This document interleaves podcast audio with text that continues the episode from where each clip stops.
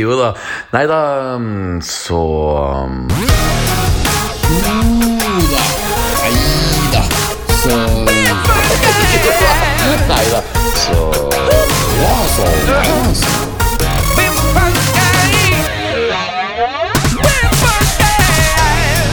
Jo da. Nei da, så Jo da. Nei da. Så Jo da. Nei da, Mine damer og alle dere andre. Hjertelig velkommen til episode 63 av vår superfunky Star Wars-podkast.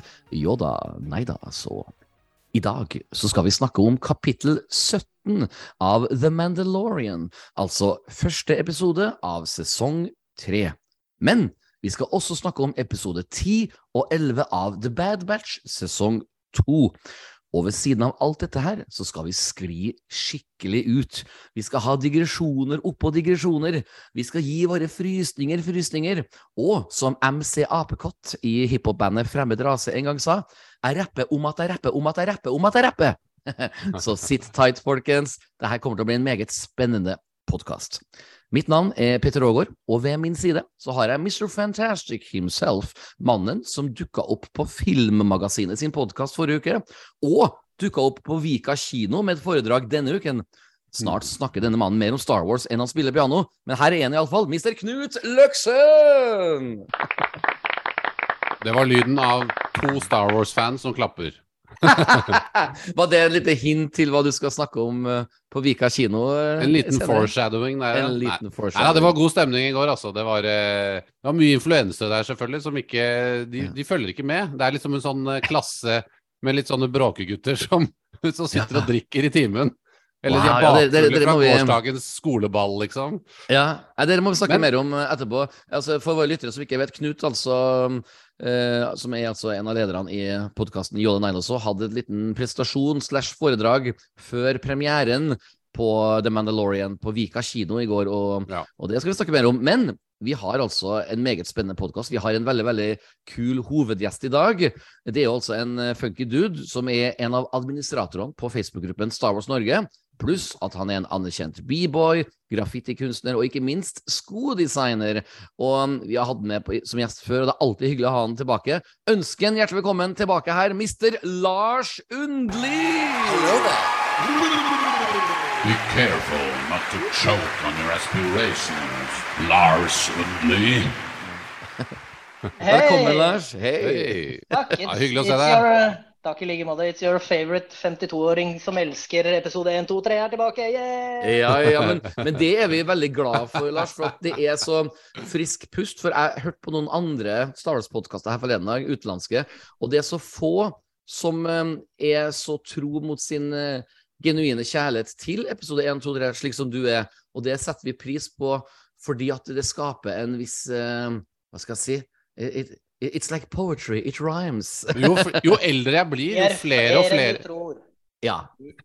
Jo flere jo, Nei, jo eldre, jo flere jeg blir, holdt jeg på å si nå. Det hørtes ut som jeg har klona meg selv, det har jeg ikke. Men jo eldre jeg blir, eh, jo flere yngre folk møter jeg, på en måte. Eh, det var ikke noe logikk i det, men allikevel.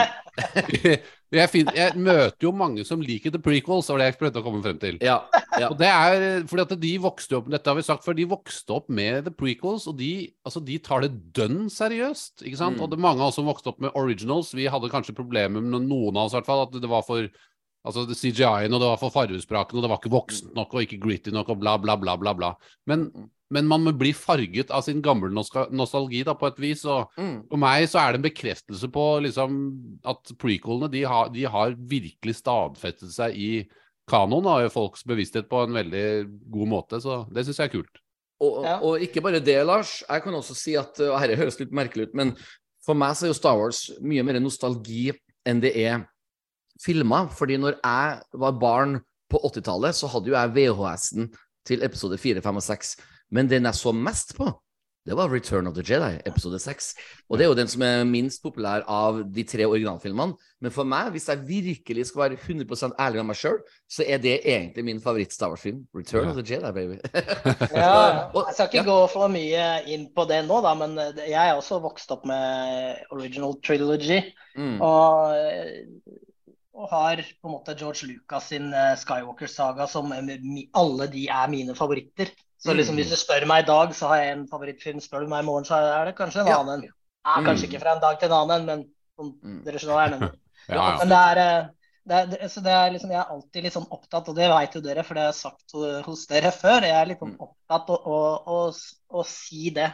Sånn at Ja. det, folk forstår at det er ikke bare de yngre som liker prequels. De som også er født i 1970, Ja. eh, som er vokst opp med Empire Strikes Back eh, som favorittfilm før prequelsene Mm. kom, Mm. vi også setter pris på prequels. Da. Så jeg er liksom nøye på å si det. Jeg, jeg hadde en veldig hyggelig samtale med en av dine Star Wars Norge-kollegaer, Lars, og da sa jo jeg plutselig i en stor innrømmelse at jeg tror jeg har sett prequels-filmene flere ganger enn jeg har sett episode 4, 5 og 6. Så det sier jo egentlig litt om eh, at de har tydeligvis gitt et inntrykk i, mitt Ja, hjerte det- mer enn jeg klarer. Det som er, og det som er, eh, som er gøy med det, og bra med det, er at vi kan diskutere Star Wars. Mm, mm, Eh, mm. At vi snakker om Star Wars. Og så, ok, noen liker det ene, og noen liker det andre. Det er jo Star Wars. Det er Så, så det er jo på en måte Det, det er veldig liksom bra at man kan Det er jo Ja. derfor jeg kommer inn og så liksom rører litt Ja. rundt i gryta deres, da. Og, ja, og, og apropos gryte, jeg, jeg må jo ha ramla opp i en slags ærlighetsgryte akkurat nå, for det jeg skal si nå, kommer sikkert til å sjokkere våre lyttere. Men når jeg så prequel-filmene i 99, 2003, 2005, så likte To. jeg dem utro... Unnskyld, unnskyld 2002 og 2005, eh, altså episode 1, 2, 3. Da likte jeg dem veldig, veldig godt, og veldig, veldig ukritisk. Det var egentlig en del år senere jeg begynte å se mer de feilene som jeg liker å, å snakke om. Men, men jeg må ærlig innrømme at jeg la ikke merke til de feilene så veldig mye eh, når jeg så dem. Kanskje Jar Jar var liksom litt sånn Oi, det her var litt sånn slitsomt. Men bortsett ja, ja men, men, men bortsett fra det så var jeg egentlig sånn I drank the Kool-Aid, som man sier. Jeg var så innstilt på å like det, og da likte jeg. Hva med du, Knut? Var, var du også sånn at du likte eh, prequel-trilogien med en gang? Første gang du så dem, eller begynte å bli kritisk med en gang? Nei, jeg, jeg er jo ikke en sånn veldig Jeg var nok ikke så kritisk den gangen. Og jeg var litt mer likegyldig da. Og så har jeg fått litt mer elsk etter hvert, egentlig. Eh, Ja. og jeg tenker at eh, altså Revenge of the Sith den syns jeg var veldig spennende første gangen jeg så den. Og, det, det synes jeg var, og da var det også veldig god stemning i salen, husker jeg. Det var klapping etterpå, folk var veldig fornøyde og Ja. veldig tilfredsstilt etter den filmen. Så det var, uansett hvordan du vrir og vender på det, så, en, så var det en kurve som gikk oppover i prequel-trilogien. Ja. Så de som kanskje var litt misfornøyd med 1 og 2, de, de fikk et ordentlig punktum i episode 3. Da. Så, så det husker Ja. jeg at jeg fikk. da. Men så i etterkant så har jeg fått uh, mer elsk for episode 1 og 2. Det er jo også litt mye Det er også det pga. Clone Wars og også Mandalorian og Rebels som Ja. går tilbake til prequel-æren og, og tar det seriøst, rett og slett, og ikke bare Mm. skusler det bort eller gjemmer det bort. For det er jo det som er skummelt, hvis man bare gjør det. Men det, det er jo en ting som er viktig, de er kanon. ikke sant? De er kanon, de er viktige i kanon. Mm. Så, og det må man hedre, det må man anerkjenne. Og, Ja. og det kan man lage masse godt materiale av nå også. Så det, det, jeg føler at de, de gjør det riktig. Jeg, jeg kan jo si en ting, Lars. At det er veldig artig at du er vår gjest akkurat i dag. at vi skal jo i dag både gå fremover og tilbake i tid, eh, med tanke på at vi skal også først snakke om eh, første episode av Mandalorian sesong tre, som er på en måte den tiden etter Return of Jedi, den tiden som er på en måte MS i. Men vi skal altså absolutt også snakke om The Bad Batch episode 10 og 11. eh, Som er da, du vet, eh, etter Revenge of the Sith. Så eh, det er artig at du som har en kjærlighet, en stor kjærlighet, genuin kjærlighet for begge disse epokene, er vår gjest i dag. Men vi har også en annen gjest som popper inn i dag, ikke sant, Knut? Ja, det er helt riktig. Vi har vært på kino i går og sett eh, Mandalorian episode 1 Nei, unnskyld, chapter 17, Yes, sir. sesong 3, sammen på Vika kino. Og det er vår gode ekspert og altmuligviter Simon Berman. Yes. Be careful not to choke on your aspirations, Simon Berman. Velkommen tilbake, Ja. Simon. Hello there. Hello there. Du, kan- jeg gi deg et nytt eh, navn i dag, Simon? Altså, Vær du, så du, god. du, du er jo på en måte en podkastgjest i likhet med Lars Unde, som vi setter veldig stor pris på. Du, er- du er et slags familiemedlem, har blitt, selv om jeg aldri har møtt deg i levende livet. Men jeg vil gi deg et nytt eh, navn. I dag så heter du for Simon Love Berman. Ooh. Hvorfor ikke bare Simon Love Man? Det er mye morsommere. Det er mye mer, det er mer fun. Uh, eh, I, I see what you did there. Yeah, you see what I did there. Altså, For å inkludere Lars i vår interne greie um, Simon um, svever litt på skyene for tiden. Det er lov til å si det, ikke sant? Ja, vi kan si det. Yeah. Vi skal ikke plage deg mer med det. Men Simon, du skal få lov til å få første ordet her. Du var jo vår Yoda Neidalså-representant i går sammen med Knut på Vika kino. Dere hadde en liten foredrag, en liten presentasjon før uh, visninga. Hvordan var den opplevelsen? Ja, det var spennende.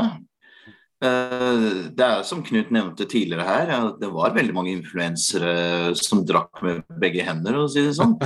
Ikke at det er noe galt med det, men det virket som det var litt andre prioriteringer for dem enn ekte Star Wars-fans. Ja. Men eh, de fleste hadde litt kjennskap til The Mandalorian fra før.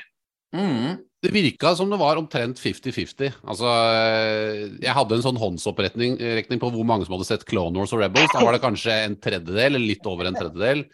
Eh, og hvor mange som visste hvem Bo Katan var, omtrent det samme, selvfølgelig. Eh, og så spurte jeg hvor mange vet hvem Grogu er, og det var omtrent det samme. litt flere, kanskje.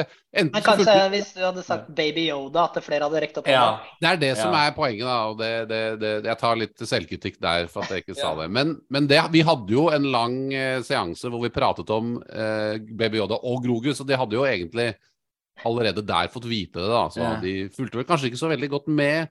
Men eh, det, det var jo på en måte litt vår jobb, det var derfor vi var der. Det var for å informere de som ikke kunne noe om dette her, så da må man jo tåle at Ja. de ser ut som eh, åpne Vi- spørsmålstegn. Vi, vi kan jo snakke bitte litt om det her. Simon, du er jo lærer på skole, så du har sikkert mer kjennskap til det enn oss andre tre. Men den tida vi lever i nå, 2023, Influensertema er jo mer aktuelt enn noensinne med tanke på Sofie Elise og, og alle inntringene der. Men eh, forstår du eh, hvorfor eh, da disse arrangørene bak en Star Wars Vika kinopremiere vil gjerne ha influensere. For jeg antar at det er for at de tar en selfie, tar en hashtag. Vi er på Disney Pluss-arrangement, vi er på Mandalorian, vi er på Vika kino. Eh, Og da, da når de sikkert 100 000, om ikke mer, folk. Er er det for Det å printe plakater og lage reklamespots er jo 100 ganger dyrere, vil jeg tro. Så er det, er, er, det Har jeg forstått det riktig? Er det derfor eh, halve salen var influensere? Jeg tok en liten prat med Knut om det etterpå, og da ble det en felles enighet at de var jo der for å promotere og gi gratis reklame. Mm, mm. Ja, det er basically det det er. Og, Og, og eh, ja, hun lederen fra Disney, hun sa at man skulle passe på å bruke en hashtag hvis Ja. man la ut noe. Så det var egentlig ganske viktig, den biten også. Hva, Hva er denne den hasht- hashtaggen, da? Ja. Hashtaggen var The Mandalorian.no. men de er Ah. influensere, så blir ikke hashtag, det blir mer kokaintag. Ja. The, The Mandalorian Ja. NO? Ja, det var artig. Jeg skal, jeg skal sjøl gå inn og Det kan vi jo si da til våre lyttere. At Da- eh, alle sammen eh, søk på den hashtaggen, og så kan vi jo se sikkert bilder fra Vika Kina Det skal jeg sjekke ut sjøl etterpå. Det blir artig. ja, det ligger noen bilder på Joda Neidasvold sine sider. Burman har vært flink, Loveman har vært flink å legge det ut. Yeah, yeah. Mm. Og så er det The Mandalorian, No med stor N på slutten. ja ikke Med sant. på N. Ah, ok. Eh, Kan jeg, kan jeg bare bryte inn nå? Her er et spørsmål til dere alle tre. Eh, Litt sånn ledende spørsmål, eh, Knut. Så du kan bestemme selv om du skal ha vignett eller ikke. Men for jeg satt og tenka litt. Ok.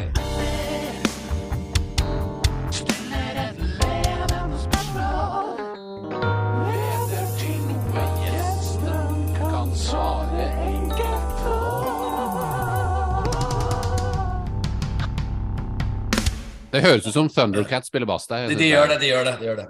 Ok, oh, hello, hello. Hello. Nå, nå, nå viser Lars oss et bilde av en meget eh, eh, snill jente.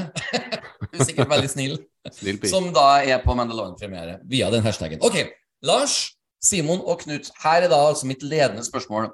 Jeg satt og, jeg elska av til å bare sette meg på en stol, slå av telefoner, slå av TV og bare tenke. Det er sånne ting som jeg føler at eh, Ikke for å være en eh, bedre enn alle andre, men jeg føler at det, det er noe Det er en kunstform veldig mange i 2023 har glemt, det er å bare sette seg på en stol og, og tenke. Vet, bare Gi deg sjøl 15 minutter og bare filosofere over ting. Og, og siden vi hadde podkast i dag, så så nå skal jeg filosofere litt over egentlig hva det er vi skal snakke om i dag. Og det er jo egentlig følgende. The Mandalorian-tittelen og eh, suksessen og fenomenet som det har vært siden eh, november-desember 2019, er jo eh, eh, historisk på veldig mange måter. Men det er jo egentlig ikke pga. Den Bobafett-lignende hjelmen. Det har ingenting med Din Jarin egentlig. Det har egentlig ingenting med Mandalorians å gjøre i det hele tatt, begynte jeg å tenke på i går. For det, det eneste som virkelig har eh, tatt verden med storm, det er jo den derre Baby Yoda-memen, eh, Baby Yoda-hashtagen, Baby Yoda-sjarmen. Altså, kjære, venn, altså, her er vi altså folk som er i en podkast på over 40 år, og vi lar oss bli sjarmert av en dukke. Jeg, jeg innrømmer det. altså, jeg ble, bare, bare den lille scenen hvor Baby Yoda satte seg i fanget på Din Djarin inne i eh, romskipet og, og la seg. Så jeg, jeg ble sjarmert. Så mitt, mitt ledende spørsmål, jeg kan starte med deg, Lars, det er jo at det er jo egentlig ikke um, The Mandalorian Show. Det er jo egentlig The Baby Yoda Show. Altså, la meg komme med et annet eksempel. Når Stian, når Stian Blipp var programleder på Idol for mange år tilbake, så var han så sjarmerende og flink, og han dansa breakdance og var funky at i internt i underholdningsbransjen så kalte vi plutselig alle Idol sesong 9 for The Stian Blipp Show. Og ironisk nok, et år senere så fikk han et eget show som het for The Stian Blipp Show. Det var internt fordi at han stjal showet. Eh, er eh, Baby Yoda årets Stian Blipp? Jeg veit ikke helt om Grogu er så god på beatbox som Nei. Stian Blipp er. Nei. Men eh, nei, du har eh, godt poeng der. Ja. Og det er jo mm, Det er litt sånn interessant med tanke på de som kanskje ikke liker Baby Yoda så mye. Mm. Mm.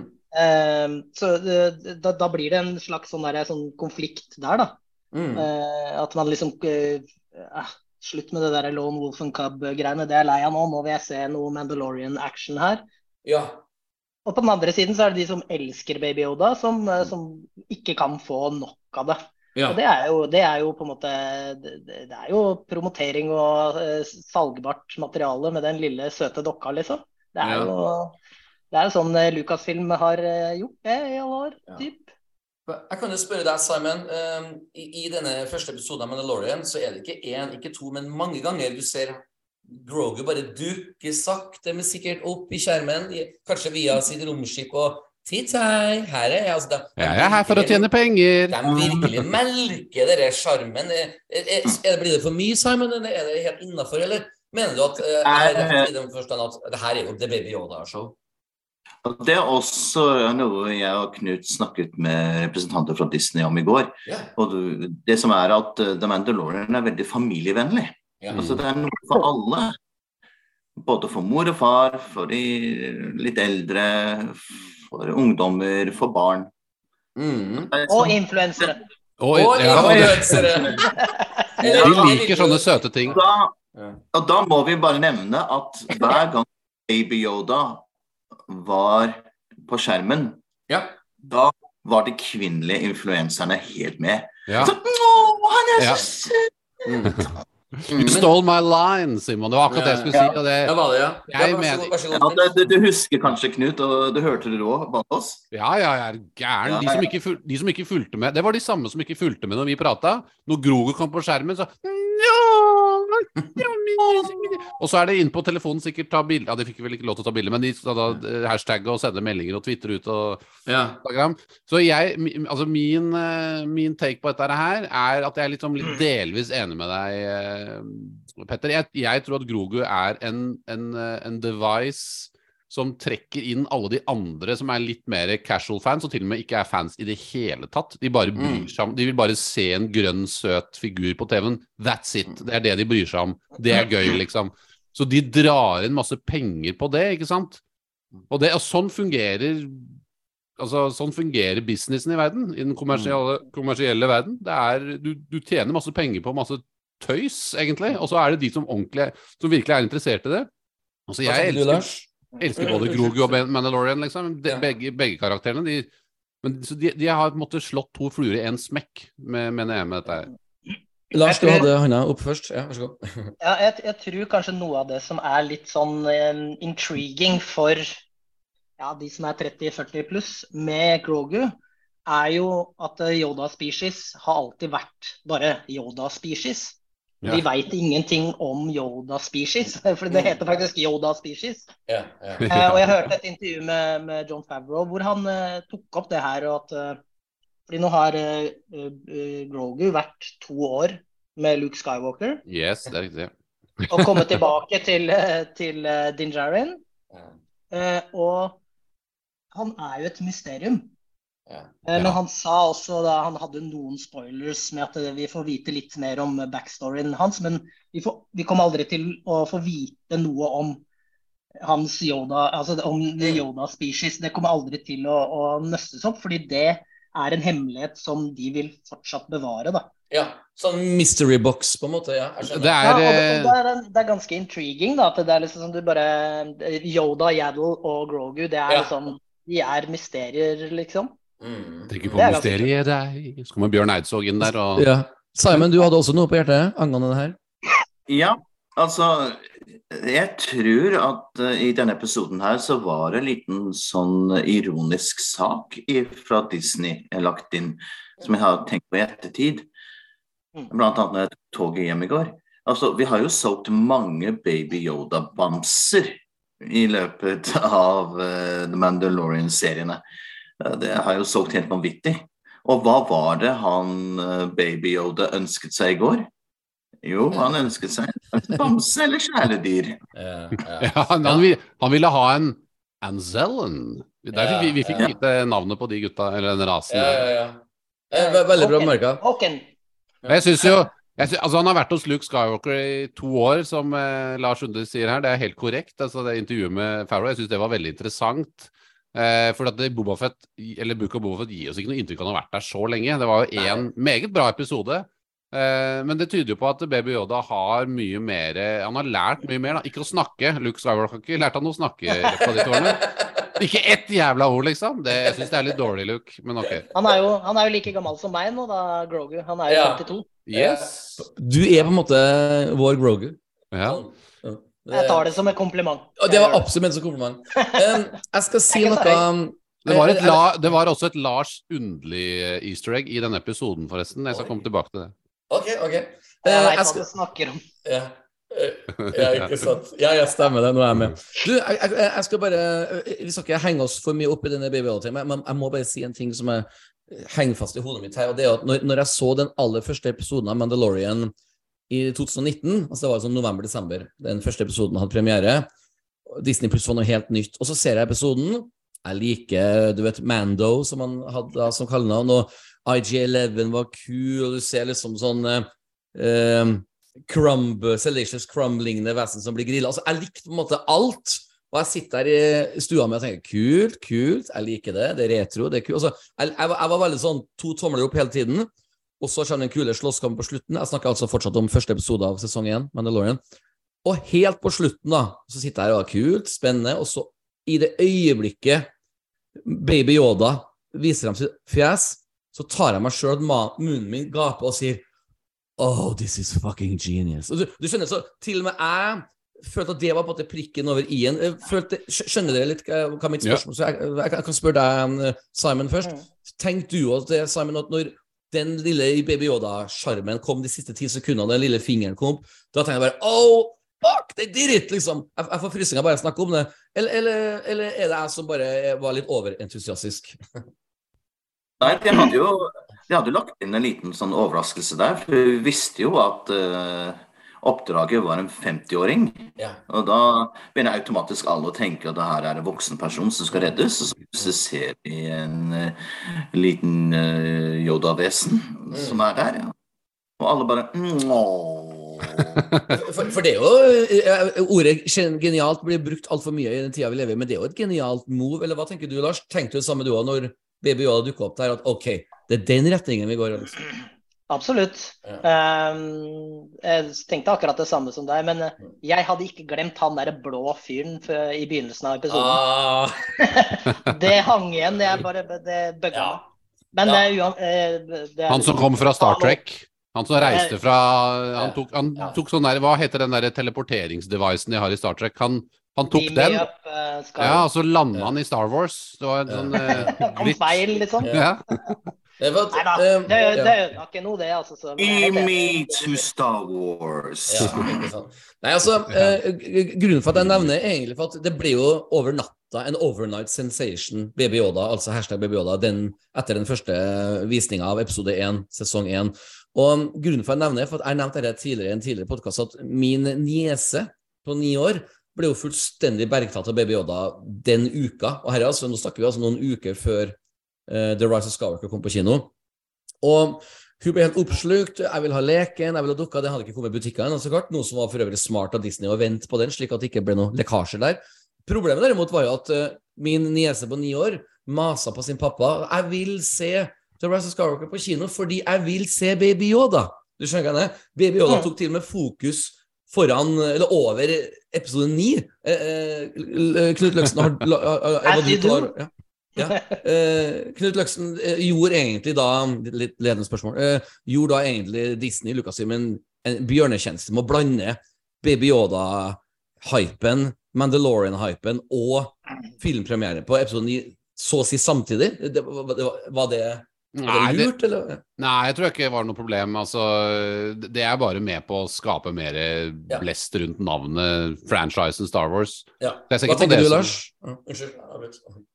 Ja, nei, altså bare sånn, Jeg skal ikke snakke for mye om uh, sequelene her, men uh, det er jo klart at eh, JJ Abrams og Ryan Johnson på en måte kjørte sitt eget løp. Mm. Det virker som om de uh, hva heter Star Wars Story Group de, de hadde sikkert noen innspill som bare De gadd ikke å høre på det eller noe. Eh, for det henger ikke sammen, ikke sant? Mm. Eh, og de har bare kjørt sitt eget løp. og da Ja. da havna man kanskje litt i en sånn situasjon, men det var jo noe i uh, Altså, den eh, force-healinga ble jo Ja. introdusert før Altså Ja, i helt korrekt. Mandalorian før, for at det Ja. måte skulle være på plass, da, at det var canon før. Mm. Helt korrekt. Du, du har helt rett, Lars. Det var liksom u den episoden som ble vist på Disney Pluss uka før Rise of Skywalker-premieren. Introdusert force-healing, så veldig bra. Og for- Jeg- jeg egentlig- Eller Egentlig- egentlig ikke. Egentlig okay. så er force healing fra episode fire. Obi-Wan Kenobi på Luke Skywalker. Det er sant. Det er sant. Du, Men on, on. det som er litt interessant, er jo det at eh, begge ganger force healing skjer med både Baby Yoda, eller Grogu, da, og, eh, og Ray, så er jo begge de de helbreder, ender jo opp med å skifte side. Eh, Oh. Han helbreder jo Grief Karga, og han ender jo opp med å angre på at han eh, utleverer Grogu og Mando. ikke sant? Var det det han hadde tenkt til, egentlig, i episode 8 Ja. der? Eller episode 7 eller 8? Eh, og eh, og. Kylo Ren switcher jo side. Det er jo det som på en måte overbeviser han om at the light side er riktig. Så det er det akkurat som de liksom forfri, at de på en måte helbreder sjelen deres litt i samme Så det du sier, at det var faktisk noen som hadde en plan med det? ja. Ja. Ja. Er det det du sier? Ja, ja det, det kan være det. Eh, Jeg sier ikke det, det kan bare være tilfeldigheter òg, men, men allikevel, det er, det er jo eh, morsomt å tenke på at det, at det hadde en sånn type effekt på begge to. da. Ja. Simon, du hadde noe på hjertet? Ja, eh, når det gjelder Grogu, så tror jeg at det store spørsmålet er, som jeg tok opp med Knut i går, hvordan kommer han til å snakke? Kommer han til å snakke som Yoda, eller kommer han til å snakke som Yaddle? Ah. Det er to forskjellige eh, måter å snakke syntaktisk Kanskje han begynner tror- å jo- jodle? Ja. Um, eh, jeg kan gjette. Jeg tror han kommer til å snakke sånn som Jadel. Fordi at jeg tror det er et uh, eget valg Yoda har gjort med å snakke på den måten her. Det tror jeg. Men det hadde Ja, jo vært Eller så litt kan kult det hvis hende han begynner å ja. snakke som Din Jaren. Da. Ja, det er det, det er det jeg skulle Ah. si. At han liksom At du får liksom This is the way. At han Det er jo veldig koselig at det er det første han sier. Ja. At du får en sånn der episk scene, kanskje det blir en stor kampscene hvor to mandaloriske klaner mot hverandre, eller kanskje Mandalorians mot Mm. imperiet, og så står Grogu forrest, så er det ingen som tør å si noe, og så sier han This is the way, og så løper alle mot hverandre. Eller så at han bare rett og slett bare sier Det første han lærer seg, er eh, I have spoken. Oh! Det er kult. Den var ja, bra. det, ja, det bygger, det bygger til eh, noe som kan være litt morsomt og søtt. Og det minner meg litt om Planet of the Apes da når Caesar snakker for første gang. Det kan være en, et sånn type øyeblikk, da. Ja. Det er et uh, trøndersk hiphop-band som heter For fremmed rase. Jeg refererte dem faktisk tidligere i denne podkasten. Deres uh, siste plate heter For Nå snakker vi. Ja. Er Er det, de som er- Er det de som hadde den derre Vi er ikke noe vandaler, vi tagger kun med vannfarger? Er det de? Jeg tror det. Jeg tror det. Eh, Jeg kjenner ikke helt igjen akkurat det. Jeg er dårlig på, dårlig på trøndersk, altså. Så. Ja, ja, ja, ja. Nei da. vi skal ikke ha så mange digresjoner. Jeg kan bare spørre deg, Lars, før vi begynner å dyppe dypt, dypt inn i episode, eller kapittel 17. Um, I traileren så ser man jo tilbakeblikk fra Order 66, noe, noe som vi alle sammen elsker, så klart. Jeg ser på nettet nå at veldig mange tror at det er Anakin som er på den andre sida av døra i den traileren. Eh, Jeg tror til og med Knut Løksen tror det. Jeg tror så klart ikke det. Jeg er spent på hva du tenker og tror om eh, hvem som kan være eh, den som da mest sannsynlig får Baby Yoda ut av Coruscant. Ja, eh, jeg er jo sånn Jeg ser jo ikke så ofte på trailere. Nei, stemmer det. Stemmer. Det, det, veit jo dere. Men Ja. akkurat det har jeg fått med meg. Mm. Og er det vel sånn at man kan se en grønn lightsaber?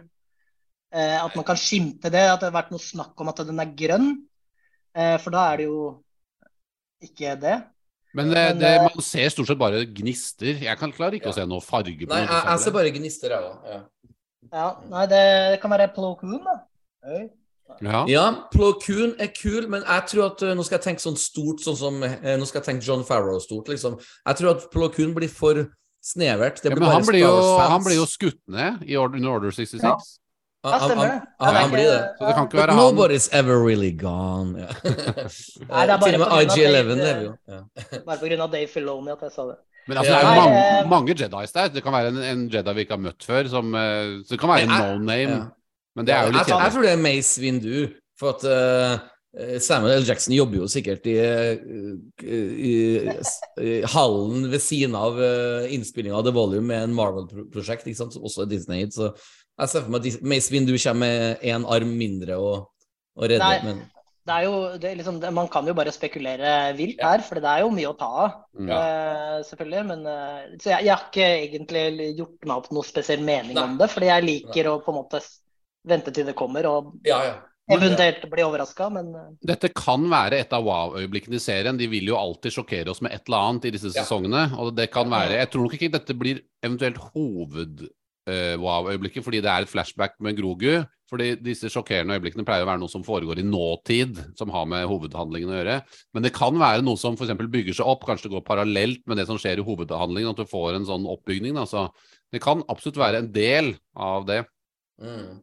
Jeg kan jo også si at uh, før vi begynner å snakke om The Mandalorian, nå skal vi bare kjapt, kjapt, superkjapt inn på um, Andor. fordi at uh, når vi har hatt en podkast sammen med Vidar Magnussen og Knut her eh, i fjor og snakka om siste episoden av Andor, og vi skulle på en måte gi hele sesongen en ternekast, så endte jo vi alle sammen på ternekast seks. Men jeg må bare si kjapt der at The Mandalorian som en helt annen type feel good uh, Star-serie, i mitt hjerte kan også ende opp som en sekser. Altså. Så det, han, for meg så er ikke Star Wars sånn at det må være mørkt eller det må være morsomt. Altså, så lenge det er bra Star Wars, så er det en potensiell sekser for meg. Så jeg bare spør deg, Lars. um, eh, Du er jo så klart mest sannsynlig mye mer glad i Mandalorian-estetikken, men Andor som eh, serie, eh, helhet, hvilken ternekast vil du ende på der? eh, uff, nå, det, det er snakk om å putte meg on the spot. Ja. Nei, altså Som en Star Wars-serie 2. Oi. Der, der, der, Da er, da, er, da er jeg snill. Men som en TV-serie, Ja. da skjønner jeg fem-seks. Mm. Men det er ikke for meg. Jeg tror Nei. vi har snakka om det her eh, sist. Vi, vi, vi har det. Jeg bare tenker Ja. kanskje du hadde forandra mening når du fikk se liksom uh, cliffhanger på slutten der og, og slike Nei, jeg, nei og når jeg så Mando nå, så sementerte det hva jeg egentlig mener.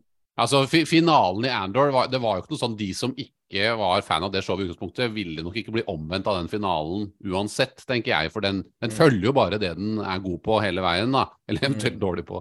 Eh, men eh, Så det er forståelig. Det, det, det Ja. alle For, uh, jeg visste på en måte at du kom til å si det, Lars. For jeg, kan bare, jeg er jo faktisk like stor James Bond-fan som jeg er Star Wars-fan. Du vet, Jeg har liksom alle filmene og har sett dem 18 ganger og elsker å se på folk på YouTube diskutere filmene frem og tilbake. Og jeg husker når um, Pierce Brosnan sin siste film um, kom eh, på tidlig 2000-tallet, jeg tror det var 2003 eller noe sånt. Det var altså Die Another Day. Da hadde det sklidd ut vet du, med usynlige biler og en skurk som du vet hadde nesten slo lyn ut av hendene. Du vet liksom sånn Alt var overdrevet, veldig camp. Og plutselig da, når Daniel Craig kommer fire år senere i Casino Royale, så er det skikkelig sånn down to earth, nitty-gritty. Jeg, jeg gråt nesten i kinosalen, for det var den James Bond jeg hadde drømt i mange år om å få oppleve. Og jeg vil faktisk bruke så store at det var, ble Andor for meg. For jeg har drømt i mange, mange, mange mange år om at Star Wars før eller senere skal faktisk gå litt sånn down in the dirty, nitty-gritty og ha litt voksentema. Så for meg så ble det på en måte Andor min Casino Royale. Det er derfor jeg gir den seks, for at eh, jeg liker at Star Wars også våger å omfavne det voksne publikummet, og ikke bare Baby Yoda-publikum. Liksom. Så sånn er det. Eller, og- eller på en måte omfavne andre sjangere, er vel det vi kan si. Altså hva Ja. som er voksent og hva som er Det er jo vanskelig å, vanskelig å definere det, men det er, det er en serie som, eh, som selvfølgelig krever at, eh, og, eh, at du på en måte følger med, selvfølgelig. og Derfor så tror jeg kanskje ikke at små barn på ti år er så stor fan av Andor. Det, det kan jeg godt, godt forstå, liksom. Og jeg forstår også at de som er store Star Wars-fans, som vil ha det der fargesprakende, eventyrlige og den store Star Wars-følelsen, fort kan uh, synes at det er litt kjedelig, da. Lars? Jeg skal, bare, jeg skal bare supplere, og jeg skal ikke kommentere det du sa nå, Knut. Men jeg skal bare supplere med, med at eh, jeg, som en George Lucas-fantast, Mm. eh, jeg bruker min tid på å se alt som kommer fra Lucasfilm eh, nå. Mm. Ikke all min tid, men den tiden jeg bruker på det, er for å liksom på en måte varme opp til Lucasfilm etter Lucas. Mm. Mm. Eh, og da er det, da, da, da er det noe som, eh, som på en måte gir meg eh, noe som jeg liker, og andre Mm. ting som jeg ikke liker. Men jeg ser jo alt. Mm. Ja. Eh, men Så vi, vi skal nok ikke ta den der Andor-diskusjonen. Men Nei da. Vi, vi, vi jeg, skal- syns, jeg syns jo ikke det er Star Wars, da. Inni mine Nei. øyne. Mm. Da bare så klart Simon få si- siste ord på Andor før vi går videre til Mandalorian. Eh, hvilken terningkast endte du opp med på Andor som helhet, eh, TV-serie? Og da kan jeg jo si det jeg sa i går til hun representanten fra Disney. Knut husker dette her. Ja. Jeg sa for meg så var det en helt fantastisk serie som eh, Det var en serie for oss som vokste opp med den originale trilogien, føler jeg. Eh, De som likte Rogue One, eh, vil elske Andor også og ser alle tilknytningene der. Eh, Men min sønn på nå 15 år, han syns den var kjedelig. Mm. Mm. Det ble, det ble for mye prat og for mye Ja. politikk og greiene der. Ja. Eh, Men for Men er- meg, Ja. for meg jeg, jeg elsket den, og jeg gir den en sekser. For den, den kan jeg gå og se om og om. og. Mm. Og den har jeg sett da- fire ganger nå. Den er allikevel det Jeg er enig med at den har veldig mye med Rogue One å gjøre, men på en helt annen måte. Altså, Rogue One er nok hva skal jeg si, anførselstegn lettere for flere å like, for det er en mer pio-pio og en stor, store actionsekvenser Mm. og, og store konsekvenser, og det er store space battles og, og så videre og så videre. Og ha flere Lars- Star Wars-ingredienser, da. Ja, unnskyld, Lars, du hadde også noe du skulle si? Ja, jeg har jo sagt det uh, før, og eh, det er ikke sånn at jeg liker å gå og fortelle alle hvor gammel jeg er hele tida. Men argumentet deres er invalid. ja, men det, det er artig. Eh, jeg syns um, um, Jeg, snakka med um, en av dine kollegaer på Stavers Norge for noen år tilbake, Lars, om um, hvor deilig podkastmediumet er. For at hvis man har diskutert det her nå i et forum, så har det blitt litt sånn eh, Det har ikke blitt avslutta, på en måte, men siden vi nå alle sammen kan snakke sammen, så jeg er jeg veldig glad i det mediumet her. For, at, eh, Mm. for da, da får Lars fram akkurat det du sa nå. Og Simon, eh, siste ord. Ja.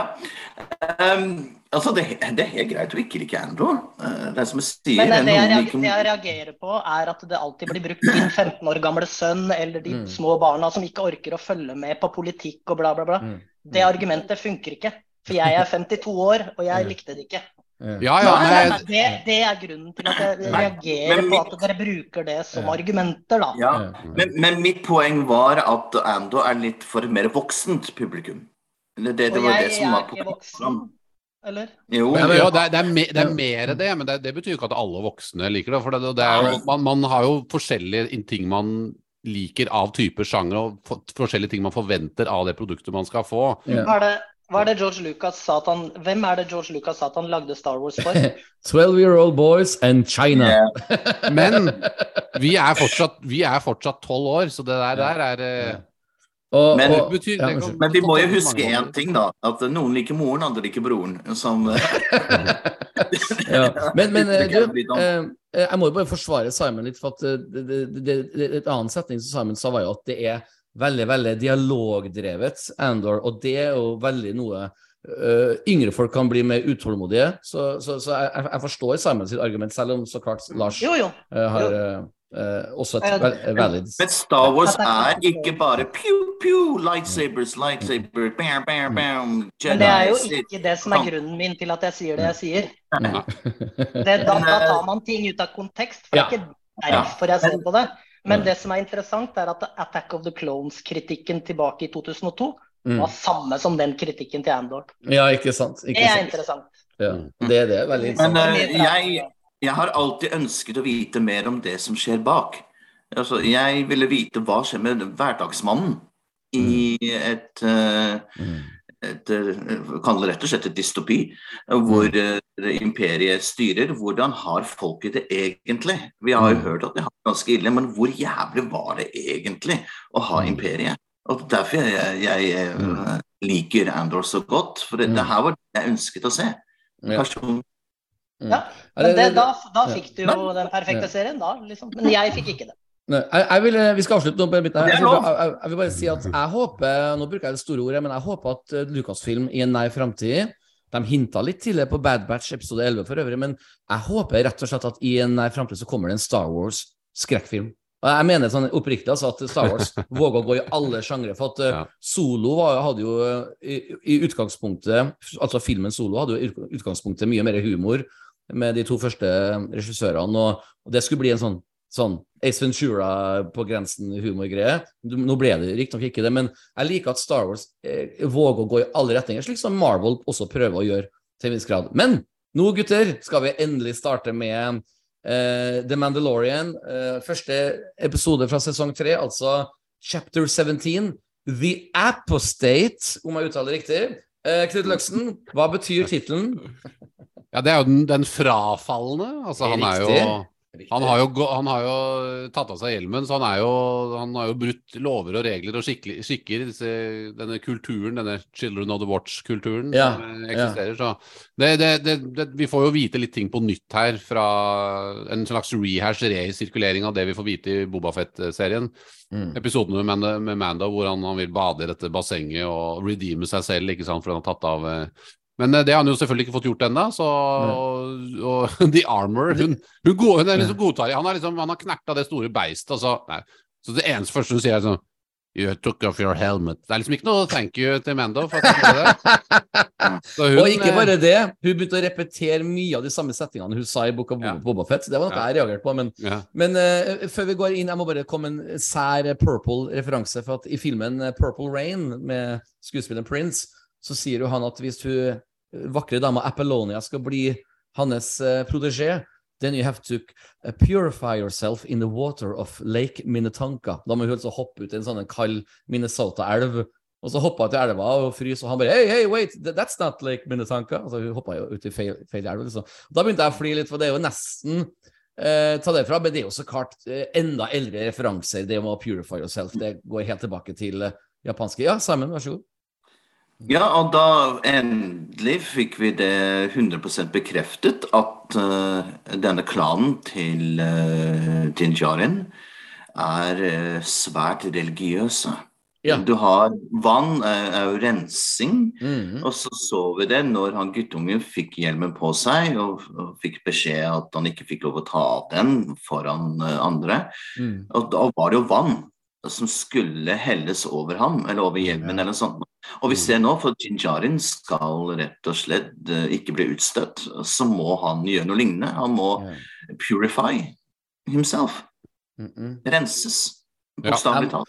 Jeg må spørre Lars. Eh, Lars, eh, nå bruker jeg litt store ord, her, men du er jo kanskje den mest multikulturelle av alle i vår podkast, i den forstand at, at dine interesser eh, er veldig, veldig internasjonale og eh, omfavner alle slags kulturer. Derfor skal jeg være så frekk og spørre deg det spørsmålet her. Tror du at eh, undertonene til denne radikale gruppa som Din Jarin er med på, er det på en måte eh, Lucasfilms måte å vise eh, hvordan det også finnes radikale religiøse grupper eh, på vår planet som henger seg for fast i regler? Vekt, mener du? Jeg, jeg tenker jo litt mer på sånn for, for eksempel det, som, det som er mest eh, tydelig i media, er jo radikale muslimer, f.eks., som har slike tanker. Jeg, jeg, jeg, jeg, hjernen min går automatisk dit når man eh, bygger Og det gjorde det ikke for meg. Jeg Ikke? bare tenkte at eh, nei. hva, hva med du, Knut? Nei, altså, jeg tenker at det går, det går Det er, det er en, helt klart en sekt, en klan, som er radikal. Så, Men jeg, jeg, jeg klarer på en måte ikke å, å stadfeste til én spesifikk gruppe i vår vir virkelighet. Det har jeg ikke tenkt på. Men uh, det er helt klart et, et budskap om at dette her er noe som eksisterer på vår planet, selvfølgelig. Men ikke en spesifikk, liksom. Men det så jo det med. Tusken Raiders eh, i Book of Boba Fett òg. Det er jo klan der òg, ikke sant. Så Mm. de, det er jo Star Wars-universet er fullt av det. Men vi må, huske, de må huske på at eh, altså, grunnen til at de altså, De bygde jo disse rustningene sine for at de skulle slåss mot Jediene, så det er en grunn til at det også har blitt sånn. Altså, det har blitt formet liksom litt av sine omgivelser, på et vis. Det har jo også Tuskens, ikke sant, for de må tilpasse seg det harde klimaet Ja. i ørkenen. Simon? Ja, altså Vi kan jo tenke at innenfor alle typer religion så er det forskjellige tolkninger. At du har eh, mange forskjellige former av kristendom, du har flere former av islam. Du har forskjellige måter eh, å, å følge religionen din på. Og eh, for en klan til Jinjarin så er eh, akkurat dette her er viktig for dem, mens for andre klaner så er det her viktig. Mm. Men Mm. det de har til felles, er at de alle er, har tilknytning til eh, Mandalore og månene og planetene rundt. Mm. Ja. Så for, bare for å bruke et annet eh, kristen, eh, religiøst eksempel, ta, ta kristendommen. Altså, så alle Mandalorians nå er delt opp i Jehovas vitner, mormonere, eh, katolikker og sånne ting. Og så bør de egentlig samles da, for å komme tilbake til Mandalore, som på en måte er i, i Jerusalem. Og Bo-Katan er litt sånn human-etisk forbund, på en måte. Ja, ja, ja. ja, ja. ja men for, for at eh, Mandalore får jo være mer og mer sånn eh, Betlehem, Jerusalem-vib, Ja. eh, eh, får jeg inntrykk av. Det er jo jeg, jeg at det er jo en krigerkultur. altså De forherliger jo krig. eh, spesielt den Children of the Watch-forgreningen, da, den type klanen. ja. Det, det tror jeg kommer til å spille, spille en viktig rolle. De bruker jo, den, den første delen av den scenen her er jo, skal jo minne oss på, skal jo vise fram hva de er kapable til å få til. og Jeg har nesten litt følelsen altså De hadde jo egentlig muligheten Når det monsteret angrep, så hadde de jo egentlig muligheten bare til å stikke av inn i hulen der. Altså jeg tenkte, Hvorfor bare løper de ikke inn i hulen sin? Eller fly vekk. Ja, alle hadde vel ikke rakett. Nei. eh. Det hadde de ikke. Men, men eh, det virket nesten som at nå, nå, nå, nå må vi bare overvinne dette her. Dette var naturen brakte dette til oss. Vi må overkomme det. Vi er en krigerkultur. Vi, er, vi skal vise hva vi er kapable til. Da. Og det sier jo noe til oss som, også som publikum at dette er en klan som man må regne med i denne, dette maktspillet i, Ja. om Mandalore. da. For å gå litt tilbake Unnskyld, Sammen, du hadde noe du først du ville si? Ja, altså Hvis du tenker innenfor uh, kristendommen, vi har jo hatt forskjellige fragmenter der også som har en tilknytning til uh, militærordener. Vi har Frelsesarmeen. Uh, de er jo kristne soldater i i uh, forstand. Og så har vi The Ganske langt fra Children of the Watch. Ikke sant? Så er jo The Knights Templar og The Crusaders. Ja. Og de, de gjorde det i eh, Jesu navn. ja. Eh, For å gå bitte litt tilbake faktisk eh, til starten av episoden, hva er den eneste som trodde det var hele greia var et tilbakeblikk til Din Djarin? Ja, jeg trodde også det. Ja, alle trodde det. Ja, det det var et sånn luregrep. Ja, Ja, Det det har jeg på notatene mine. At det, det var en morsom løsning de hadde der. ja. Men så skjønte jeg ikke helt at det der kan jo ikke være Din Jarin. Altså jeg ble litt sånn usikker, og så ble det litt sånn Å ja. Det var ikke et tilbakeblikk, nei. Nei, for der plutselig kom flyet. Så jeg, bare, Og det som, jeg- jeg forster det som forsterket at man trodde at det var et bakblikk, var jo fordi at det var så mange av dem. Av, for de var jo i utgangspunktet bare to. Paz Vizsla Ja. og The Armor. De var jo to stykker på denne planeten eh, Ja. de møtte Din Jarin på i, i Book of Boba Fett. Så at det var så mange, så tenkte jeg å ja, da må det jo være et flashback. fordi at det, den klanen ble jo nedkjempet, Ja. ikke sant. Så Ja. Imperiet tok jo dem på Navarro, og det var bare de Mm. to igjen. Så Og smart. Det, det, da kan jeg si en ting som jeg noterte meg. For når du ser hun lage den um, hjelmen, og så ser du alle disse blå flammene som går rundt, og da tenker jeg oh, the Mandalorians are sparking up again. Altså det, jeg så det som en sånn visuell hint at nå er, er gnisten. Og de har en sånn, en sånn uh, gullmythosaur som de filmer ja. ganske mye i begynnelsen der. Som jeg Mm. altså tenkte Det var litt bevisst også, for, at, for å befeste at de er de har kommet en vei. Da. De har rekruttert mange, så klanen er eh, blomstrer igjen, på en måte. Ja. Det syns jeg var litt kult. Det eneste jeg satt og tenkte på, var at den hjelmen han fikk, så veldig sånn Claes Olsson-Mandalorian-hjelm ut. Jeg tenkte det samme! Men og her er Lars underlig easter egget. For det var jo den sprayingen der, det kunstverket og Ja, måten hun det- satt og holdt på Det er jo du Ja. som burde vært The Armor, Lars. Ja, fy faen. Ja, altså det jeg også liksom reagerte på, hvorfor skal det være en sånn derre typ sånn steampunk-versjon av en sprayboks? Hva er Ja. problemet der? Ja. Hvorfor må det være sånn? Men Ja. du er jo du, Nå, nå kom jeg på det. Du burde jo vært eh, Du er jo virkelighetens Sabine Wren, bortsett fra at du er Ja. mannen, selvfølgelig. da For hun er jo Ja. sånn graffitikunstner. Til og med dette Ja. her Star Wars Legion miniatyrspillet sitt, så kan du legge ut sånn graffiti tokens for å liksom enten gi boost til, de, til eh, vennene dine eller dine egne soldater, eller du kan gi liksom ulemper for eh, fiendene. Ok, nå ble det veldig geeky her, men eh, Nei. Ja. du kan i hvert fall gjøre det. det gra graffiti in universe, eh, Star Wars-graffiti, er en helt annen podcast.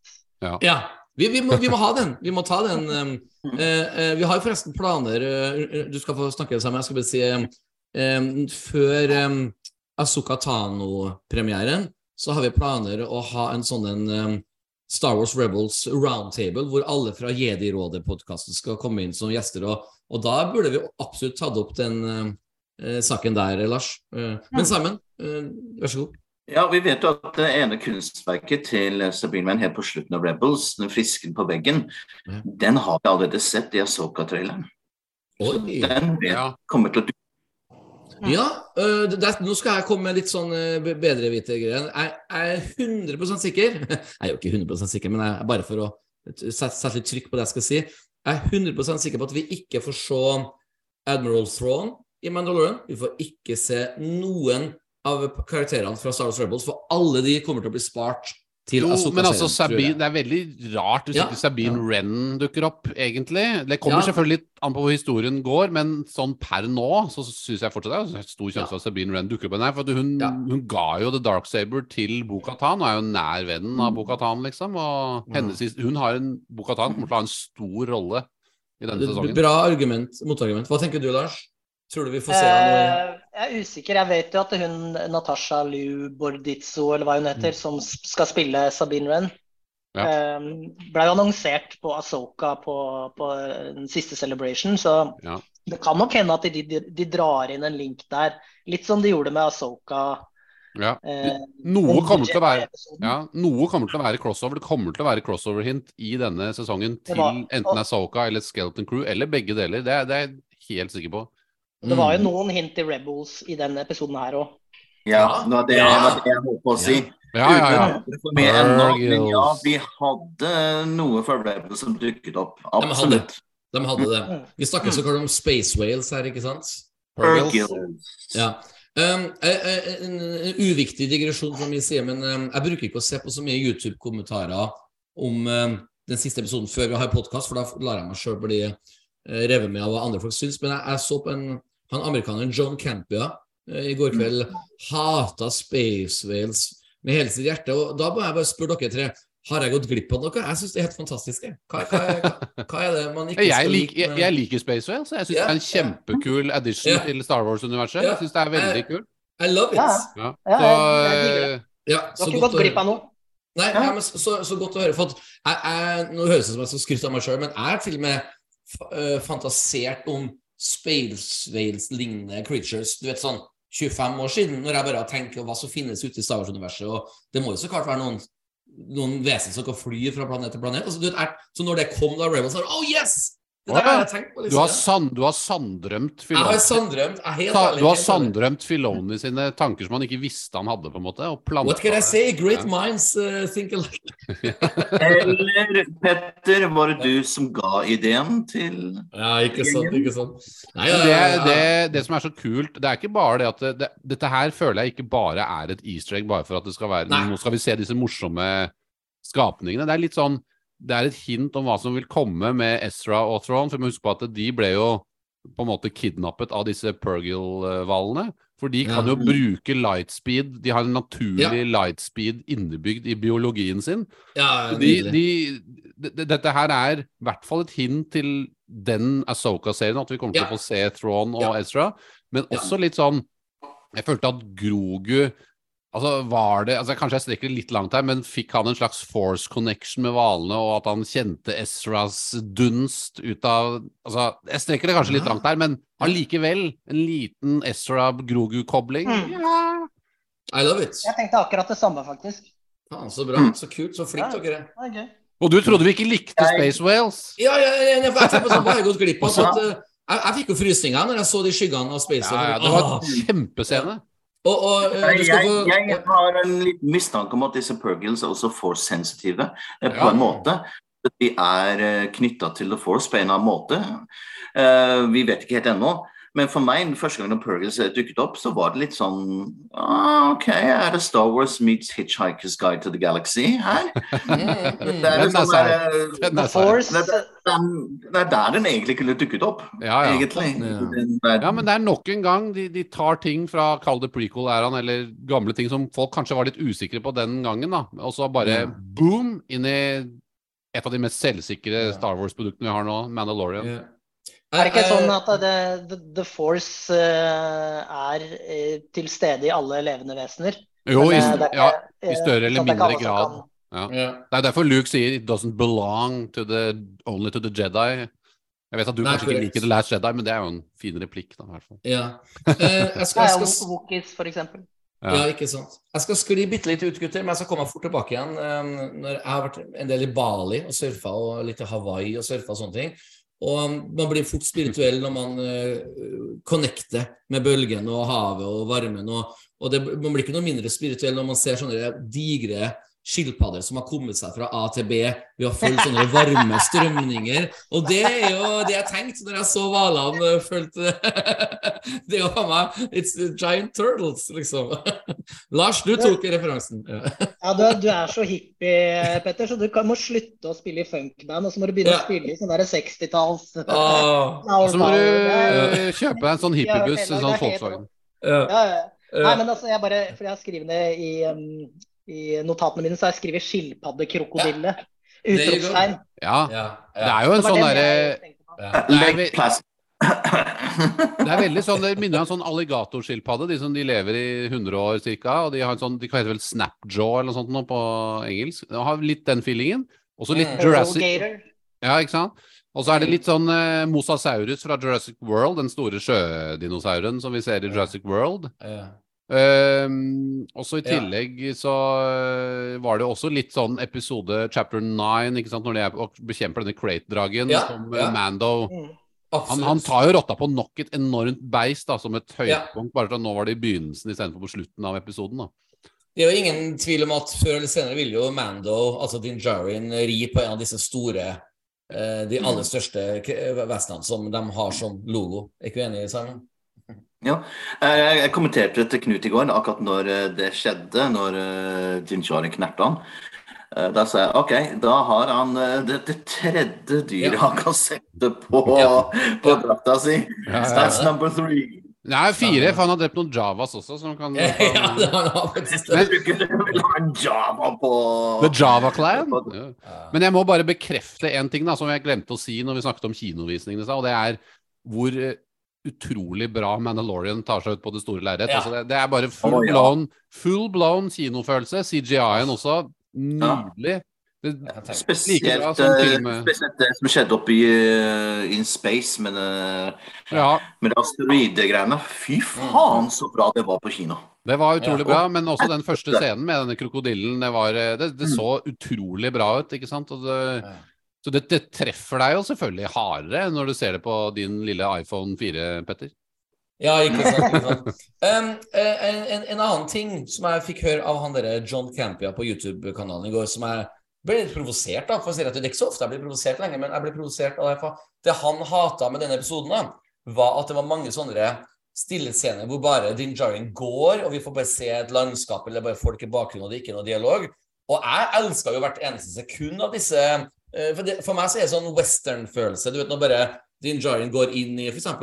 Nevarro-planeten, og du får se masse eh, nostalgiske vesener som du, du kjenner igjen fra prequel-trilogier og originaltrilogier. Og, og til og med bare den scenen hvor, eh, som jeg nevnte tidligere, når Grogus legger seg i fanget til Din Djarin inne i romskipet, og hviler. det er ingen prat. Men jeg, jeg, jeg vet ikke om det Nok en gang om jeg har gått glipp av noe, men jeg, jeg liker at Star Wars tar seg tid, for det gjorde de også med originaltrilogien. Det var jo, det var egentlig kun episode 9 som aldri har pause, og den, den filmen liker jeg ikke i det hele tatt. Eh, det en digresjon, eh, James Bond-filmen 'Quantum of Solace', den andre filmen som kom etter Casino Royale, er sånn hurtigredigert at hver actiontrener går så fort at det er sånn Transformers-stress at jeg klarer ikke å følge med. Jeg liker ikke sånn Transformers-stress. ja, ja, ja, for det får Transformers også gå fort. Jeg, jeg, jeg verdsetter, jeg setter pris på at Star Wars tar sin tid. Så mitt spørsmål til dere tre er eh, La dere også merke til at det er flere scener i denne episoden hvor det bare er pustepause og dere bare tar inn landskapet. Likte dere det like mye som meg? det var bra. Ja, jeg gjorde det. eh, Og egentlig mer enn i sesong én. Det er jo mye gåing i sesong én også på Navarro. Problemet på Ja. Navarro var at geografien var litt sånn Ok, her er imperiet sitter i det huset rett Ja. siden av Bounty-gilden som er der. Ja, Og, ja. eh, og så er Mandalorene Mandalorian nede i kjelleren der på, Major, på. Majorstadkrysset. Fikk jeg litt følelsen av. Så det ble litt sånn rart. Men jeg synes at, Og så er det litt sånn, den episoden her har et sånn herlig forfriskende litt sånn middelalder-renessansetema. Du hører det på musikken når han går i gatene. Du ser på det er sånne sjonglører og sånne hoffnarraktige, og det står et lite sånn, en liten sånn eh, folkemusikktrupp og spiller eh, musikk. Så de Ja. har en sånn liten sånn eh, middelalder Litt sånn renessansestemning. medieval. Medieval Ja. og disse piratene ja. er også en veldig stor del av det. Ja, Eh, Unnskyld at jeg avbryter. Jeg jeg skal passe på ikke vi går for fort frem. For det jeg egentlig skal frem til, er jo egentlig at um, um, Jeg føler at uh, Navarro Planeten, den, Det har jo skjedd mye de siste to årene på planeten Navarro. Og det, jeg liker at det blir vist fram ja. og ikke blitt fortalt. Ja. Så det, Vi ser f.eks. Chef Droiden lager Ja, det- mat, og ja. Calamari går i gata, og R5 Droiden er bakgrunn. Så, det, det, og, ja, til og med um, Celicious Crumb, altså det Monkey Lizard-greiene, blir ikke grilla lenger nå. Nå bor de fritt oppi trærne. Så de har blitt fri. Du, du skjønner ikke, men Sånne detaljer uten å bli fortalt det. Jeg elsker sånne ting. Det var- Du og Lars? Ja, eh, og du nevnte et ord kunstpause, og det er akkurat det det er. At du gir betrakteren tid til å, å prosessere det du Ja. nettopp har sett, eller Ja. kommer til å se. Ja. Eh, Det er en dårlig definisjon av kunstpauseordet, sikkert. Men det, og det er jo eh, også eh, mye av det i Andor som funker veldig bra for den serien. Bare for å skryte litt av, av det også. Ja, det. Selv om jeg syns det er dårlig. Nei da. Men, eh, men, eh, men? Sånne, sånne filmatiske grep er jo kjempebra for eh, worldbuilding og, og hele greia. At du liksom setter scenen, og han Rick, Rick Famoiva som har lagd Ja. den her, han, han, han eh, regisserte vel The Child-episoden? Var det to episoder? Ja, episode Eller, to, eh, chap- chapter chapter Episode to. som for øvrig er en av mine favorittepisoder. ja. Ja, som er en amazing eh, episode. ikke sant? Så, så han, han, eh, han på en måte gjør det her med respekt for materialet, da. Ja. For universet og Ja, jeg likte det veldig godt. Han er, Rick har jo, De har satt sin lit til han Rick Fumuyava, for han skal jo regissere tre episoder. Og han også fungerer som eh, produsent for eh, hele sesongen også, sammen med Filoni. så han har de virkelig liksom tatt under sine vinger. Eh, Han forstår dette universet nå. Har liksom, jeg tror det er en sånn safe bet å bruke han. Og Ja. det, du Ja, ser jo hele jo- Ja. Jeg hørte et intervju med han eh, Rick Famuyiwa hvor han eh, forklarte det, akkurat det du sier der. Og han har ganske tett samarbeid med John Favreau på, på manussiden òg. ja. Mm. Så, hvor de på en måte kaster ball mellom hverandre. Da. Så han Ja. er jo en super Star Wars-fan i utgangspunktet. Ja. Ja, han er absolutt en av mine favorittregissører i Mandalorian-sesongene, uten tvil. Absolutt. Uh, Uh, Simon, uh, IG-11-statuen uh, står på Stormtrooper-hjelmer. Er det liksom en slags eh, sånn andre verdenskrig eh, Nå er landet vårt fri, nå skal vi hylle våre falne helter. Er det det som er hovedagendaen her? Men det er jo ikke statue, det er jo halvt robot. Ja, det, og det visste vi ikke. Ja. Ja, ja. Ja, det, det som er, er jo at det er jo en slags minnesmarkering, da. Det er jo det som gjorde at uh, Navarro ble frigjort. Mm. At det som var eh, det endelige oppgjøret, sånn at de fikk sin frihet og kunne blomstre, sånn som de har gjort. Mm. Selv, om det var en, selv om det var en base til litt utenfor der, da, i chapter Ja, men den, den var ikke så aktiv med akkurat byen å gjøre. Nei, det var men uh, eh, den bort.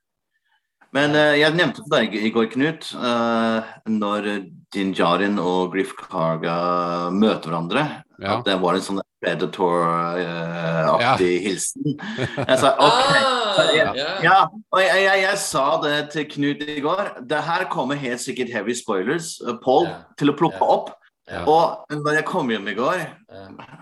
Og da så jeg på episoden en gang til, og så så jeg eh, analysen av eh, Heavy Spoilers. Og da brukte jeg jeg fire ganger i løpet av videoen den samme greia hvor eh, Arnold og Carl Weathers Ja. hilser på Men det er flere sånne I, I 80-talls knew it! I 80-talls knew it. action. Det er jo sammen Det er jo Terminator-vibes her også, fra 1984, ikke sant, med IG-11 som kryper rundt der også. Så det er litt sånn derre 80-talls uh, feel good action callbacks her, da. Og det, Men, Carl, eh, Carl Redders var jo med i Predator.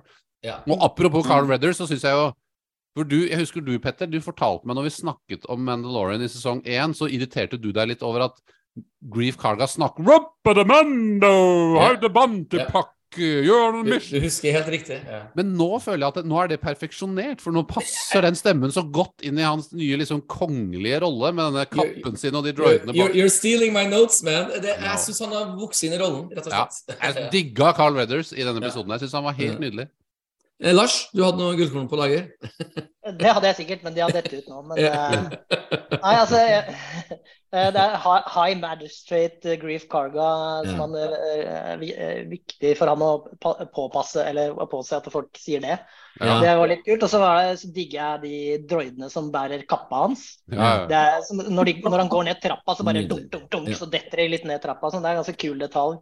Det er så nydelig. Men altså. eh, jo, nå kom jeg på det gullkornet. eh, Det er ikke Jeg vet ikke om det er gullkorn. Men eh, Mando var utrolig dårlig til å skyte plutselig når IG11 krøp rundt på gulvet der. ja, men han traff han, han, Ja, men han, eh, han, han traff. Han traff han jo, det var at han, eh, de skuddene gikk ikke gjennom, liksom. Jeg tror han, jeg Mm. tror han Jeg, traff jeg, han. jeg, jeg, jeg spurte tilbake og pausa det og sånn, og der der er liksom helt klart at han misser, da. Ganske mye. Mm. Interessant.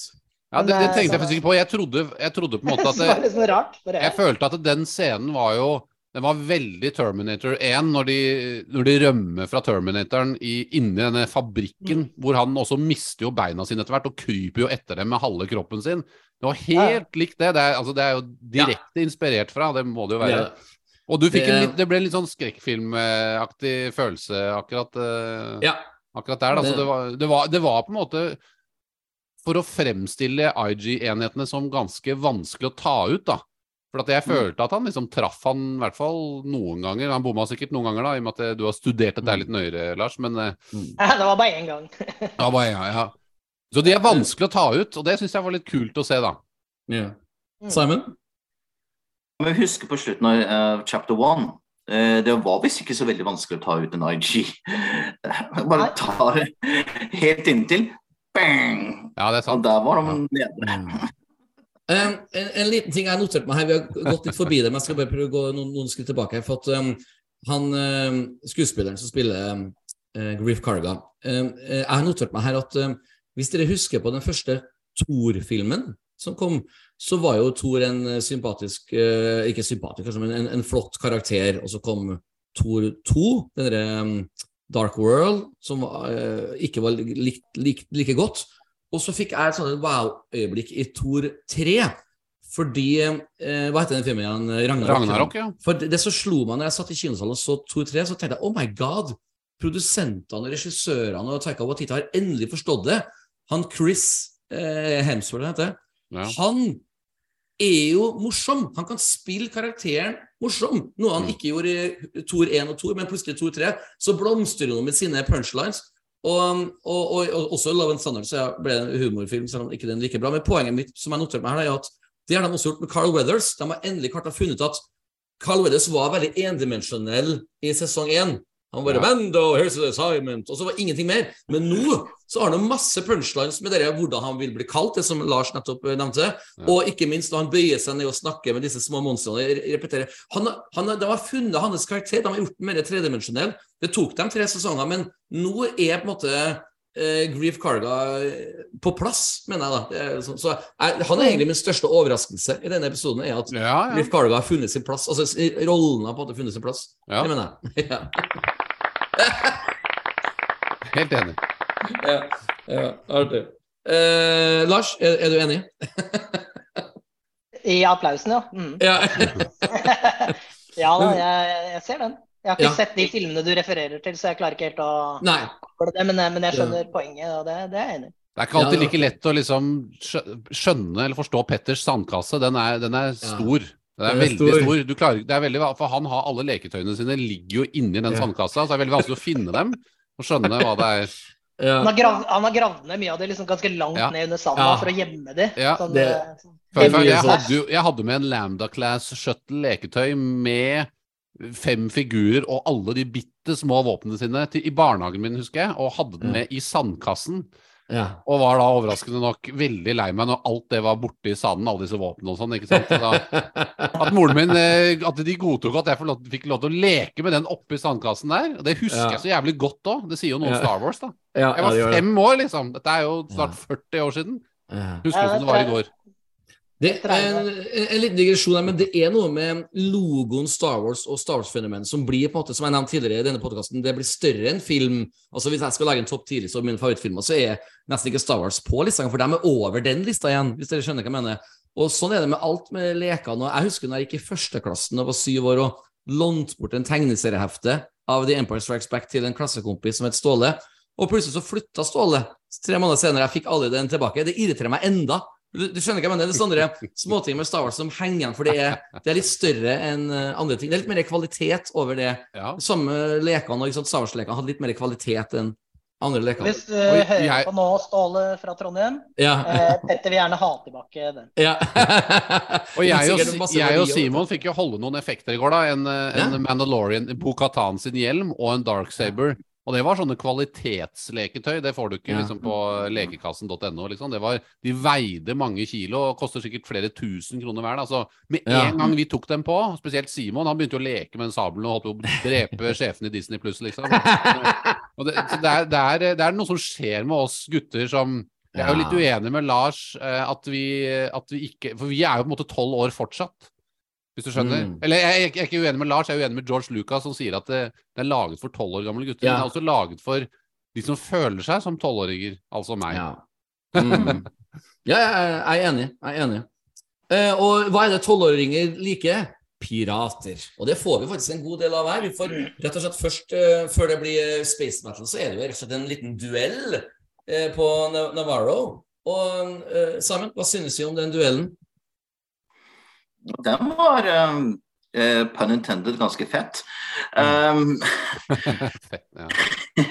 eh, men jeg, jeg trodde helt ærlig at det var Hondo som skulle dukke opp. Ja. Ja. ja, for han, dette er jo Dette pirat. Ja.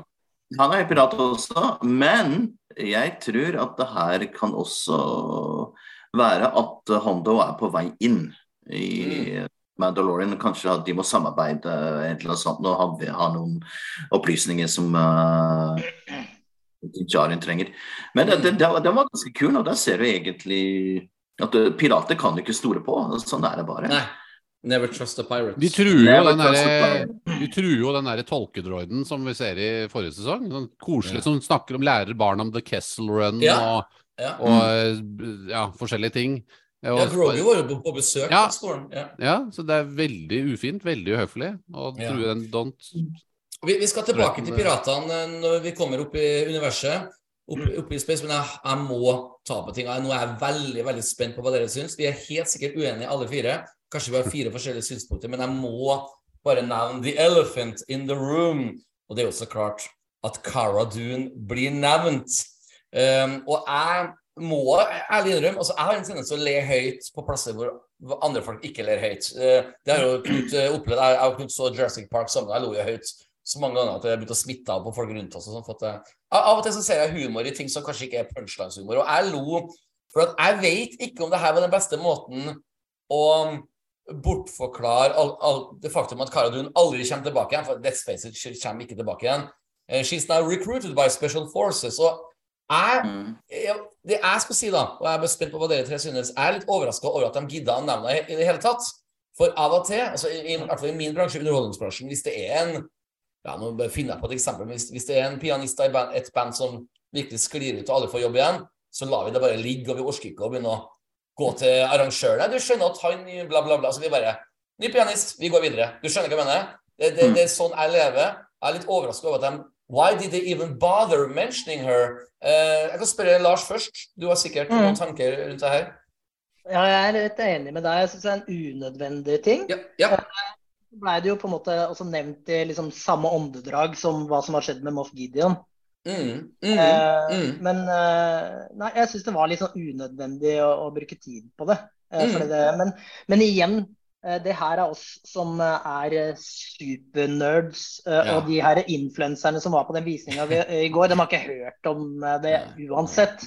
Nei. Eh, så liksom Jeg skjønner det at eh, liksom, eh, han ville at eh, Din Jaren skulle bli nye Marshallen, og da visste Ja. Din Jaren at det da allerede var en Marshall der, og hva skjedde? Ja. Jeg skjønner det, men litt sånn unødvendig, sånn dårlig greie, egentlig. Mm. Simon, hva tenker du? Nei, Jeg er litt på motsatt side, egentlig. Eh, Jeg syns dette var nødvendig for de som har faktisk sett serien. Og så Cara Dune er jo Marshall, så hun skulle vært den som egentlig skulle møtt ham. Altså når, Mm. når han kom. eh, Så en slags beskytter. eh, sheriff, aktiv fyr i, i byen. Det var ingen Marshall der lenger, og da er det Griff Carla som er sjefen. Han tilbyr denne jobben til Jinjarin, og da takker han nei til jobben. Men vi Mm. får en liten sånn uh, forklaring hvorfor uh, Marshallen ikke er til stede. Ja. Jeg føler bare at det er er, lettere det er rett og slett bare en forklaring. Ja, nei, jeg, jeg, Knut, du skal også få lov til å si Jeg, jeg vil bare si jeg bare føler at av og til så er det lettere å komme seg videre med bare å ikke, ikke ta det opp. Det blir nesten litt sånn betent sår når man i det hele tatt nevner Ja. for da vil jo sånn geeks and gamers-folk Å, fy faen, for en frekk måte å slå ut. Det er nesten bedre bare å la være, tenker jeg. Eh, Knut, er uenig? Jeg er uenig. Ja, ja, kult. Fordi at de fleste som ser på dette her, de kjenner ikke den situasjonen med Cara du... Nei, med, med altså, Hva heter Ja. skuespilleren igjen? Altså Gina Carina. Gina Carano. Eh, Gina Carano. Ja, Carano. Gina De, Corona. de kjenner ikke til den historien om at hun eh, skrev disse kontroversielle meldingene sine på Facebook. Mm. Sånn at det, det er, liksom ikke, er på en måte ikke noe betent noe, altså Når de tar det opp i den serien, så, er det ikke, så sitter jo ikke masse folk og liksom irriterer seg over at det er noe som noe gammelt grums som ble gravd opp, liksom. Det er det som er greia. Og så vil, for meg så ville det ha blitt mer jarring hvis vi ikke hadde fått noen forklaring på For hun var jo en fremtredende karakter i de forrige sesongene. Til en viss grad, i hvert fall. Hun var veldig viktig. Så det ville vært, og hun var jo masse sammen med Grief Carga i denne på Navarro. Så Ja. hvis ikke det var noen som helst forklaring, så, så blir det også en sånn Hæ? Hvor, hvor er hun, liksom? Det er bare fordi vi har snakket mye om det, og vi vet mye om det. Ja. Casual-folk er ikke i den boblen, så det, det, det hadde bare blitt veldig merkelig og sett på som et, eh, Mm. en dårlig, et dårlig kvalitetstegn, liksom. Lars? Ja, eh, casual folk eh, var en, på en måte en bra forklaring på hvem vi snakker om her. Eh, men eh, ja, de har nok antageligvis ikke sett Boba Fett-serien, The Book of Boba Fett. Eh, og de, da har de jo og Det her har jo blitt diskutert på nettet, jeg vet ikke om jeg, hva jeg syns om det, men eh, det er ikke så nøye. Men hvorfor er Grogu plutselig tilbake? Det blir jo ikke forklart. Mm. Nei, det ikke, det blir ve veldig vagt forklart. Eh, det var vel en recap? Uh, Ja, det var en ikke recap i starten. Ja. det var det. Men da fikk vi se scener fra Book of Bobbets Det stemmer. det. Ja, jeg Ja, men at de bruker så mye tid ikke, De brukte ikke mye tid på det, men at de velger å bruke det med uh, Cara Dune, Ja. og ikke forklarer det litt mer inngående, er liksom Ja. Ja, de, har en, de har en løselig forklaring på det. Altså, Grief Carga spør jo han om eh, hvorfor er du sammen med han grønne lille fyren, og så, så, så svarer han bare 'it's complicated'. Yeah. It's, it's, de, de bare maler over det med den største penselen du har sett, liksom. Eh, yeah, med 'it's yeah. complicated'. Så det, jeg er enig i at det, er, det, det var litt vagt. Eh, Det var var, liksom vagt. ikke Ja. Jeg kan komme med en litt sånn artig digresjon. Eh, husker dere filmen eh, eh, Man of Steel, altså Supermann-filmen som kom hva var det, 2013, den kom, om jeg husker korrekt. Den hadde jo én mega Eller den hadde mange feil. Jeg likte den personlig, men det var én megafeil som hele internett, internettet eksploderte over, husker jeg, tilbake i 2013. Det var det faktum at um, når den slåssinga i eh, tredje akt skjedde, så var det jo mange, mange mange uskyldige mennesker som døde i disse skyskraperne rundt omkring. og Det var jo supertragisk. og veldig mange ble provosert av det. Og da, når de da ga ut filmen Batman v Superman, som, som en slags oppfølger da, til Man of Steel, så kommer jo det store monsteret i tredje akt, og så sier plutselig en sånn politimann Oh, they just went onto that island. Så peker han på en øy da, som er rett utenfor sentrum. It's unhabitated. Altså, så det er ingen som bor der. Og da satt jo jeg i kinosalen og begynte å le, for den settinga har sikkert filmselskapet putta inn. fordi at uh, da slipper vi iallfall å få kritikk om at flere uskyldige folk dør. og det er litt her jeg føler med Cara Dune. da, vet du, sånn, La, De kunne droppa den setningen der, for da har de egentlig tapt til folket. Det er jo essensen av The Rise of Skywalker. De fikk så mye kritikk av The Last Jedi, så prøver de å rette opp og lytte til kritikk. Det har ingenting med kunst å gjøre. Å lytte til kritikk har ingenting med kunst å gjøre! Jo, men altså, du må jo forklare hvor altså, At folk bare forsvinner fra der de var, liksom, som var viktige karakterer. Move on! Move on! Ja, men jeg, jeg er ikke enig. Og så tror jeg også det er mulig at hun kommer tilbake. ikke sant? For hun har, nå har hun blitt en heavy trooper eller sjokk eh, var det, Special Forces. eh, Og hun fikk en, sånn, eh, en liten sånn eh, medalje av han eh, fyren i forrige sesong. Som jo antydet, og dette tror jeg nesten var spilt inn før de der kontroversielle ut- utsagnene hennes, og før det var snakk om at hun skulle sparkes, at hun skulle få en annen rolle i serien. Så det, jeg tror nesten at det var bestemt før disse problemene dukket opp. Så Var det ikke sånn at det var en serie som skulle bygges rundt hun? Jo, det var det også. Det. Men det er at hun skulle lede en serie. Jeg vet ikke om det hadde, var så veldig kult i utgangspunktet. Og det er kanskje problem, problem, problematisk å ha en serie som er ledet av en person som står bak disse Men, men Knut, unnskyld, jeg, må bare støtte hvis Lars skal til, hvis du skal da tilbake også, så er det jo også en fin liksom, overgang Ja. at de gir oss den informasjonen de gjorde da, om henne. Ja. Be be beklager hvis jeg, jeg, jeg kanskje jeg ramla ut for, for et minutt siden, så beklager hvis jeg gjentar noe du sa, Knut. Men i én scene i sesong to av Mandalorian så har du jo han litt eldre asiatiske X-Wing-piloten som prater med Cara Dune og virkelig bygge opp en Ja. sånn en Rangers of the Republic-spin-off-serie. Har du lyst til å bli med på det her, Cara Dune? Mm. Og det, den scenen var der fordi at det skal være hint til akkurat Rangers of of the Republic. Og nå er det Ja. så klart kansellert. Så at hun skulle ha hovedrolle serien, er jeg usikker, men definitivt en sånn A-team-lignende Ja. vil jeg tro. Men jeg tror de nå kommer til å bruke den scenen som du snakker om nå, til at hun egentlig da blir ikke en Rangers of the New Republic, men at hun har Ja. blitt eh, Special Forces. Og har, så Ja. så de, de anerkjenner jo den, den scenen, da. Ja. Og det er, bekrefter jo liksom det som canon, liksom. Ja.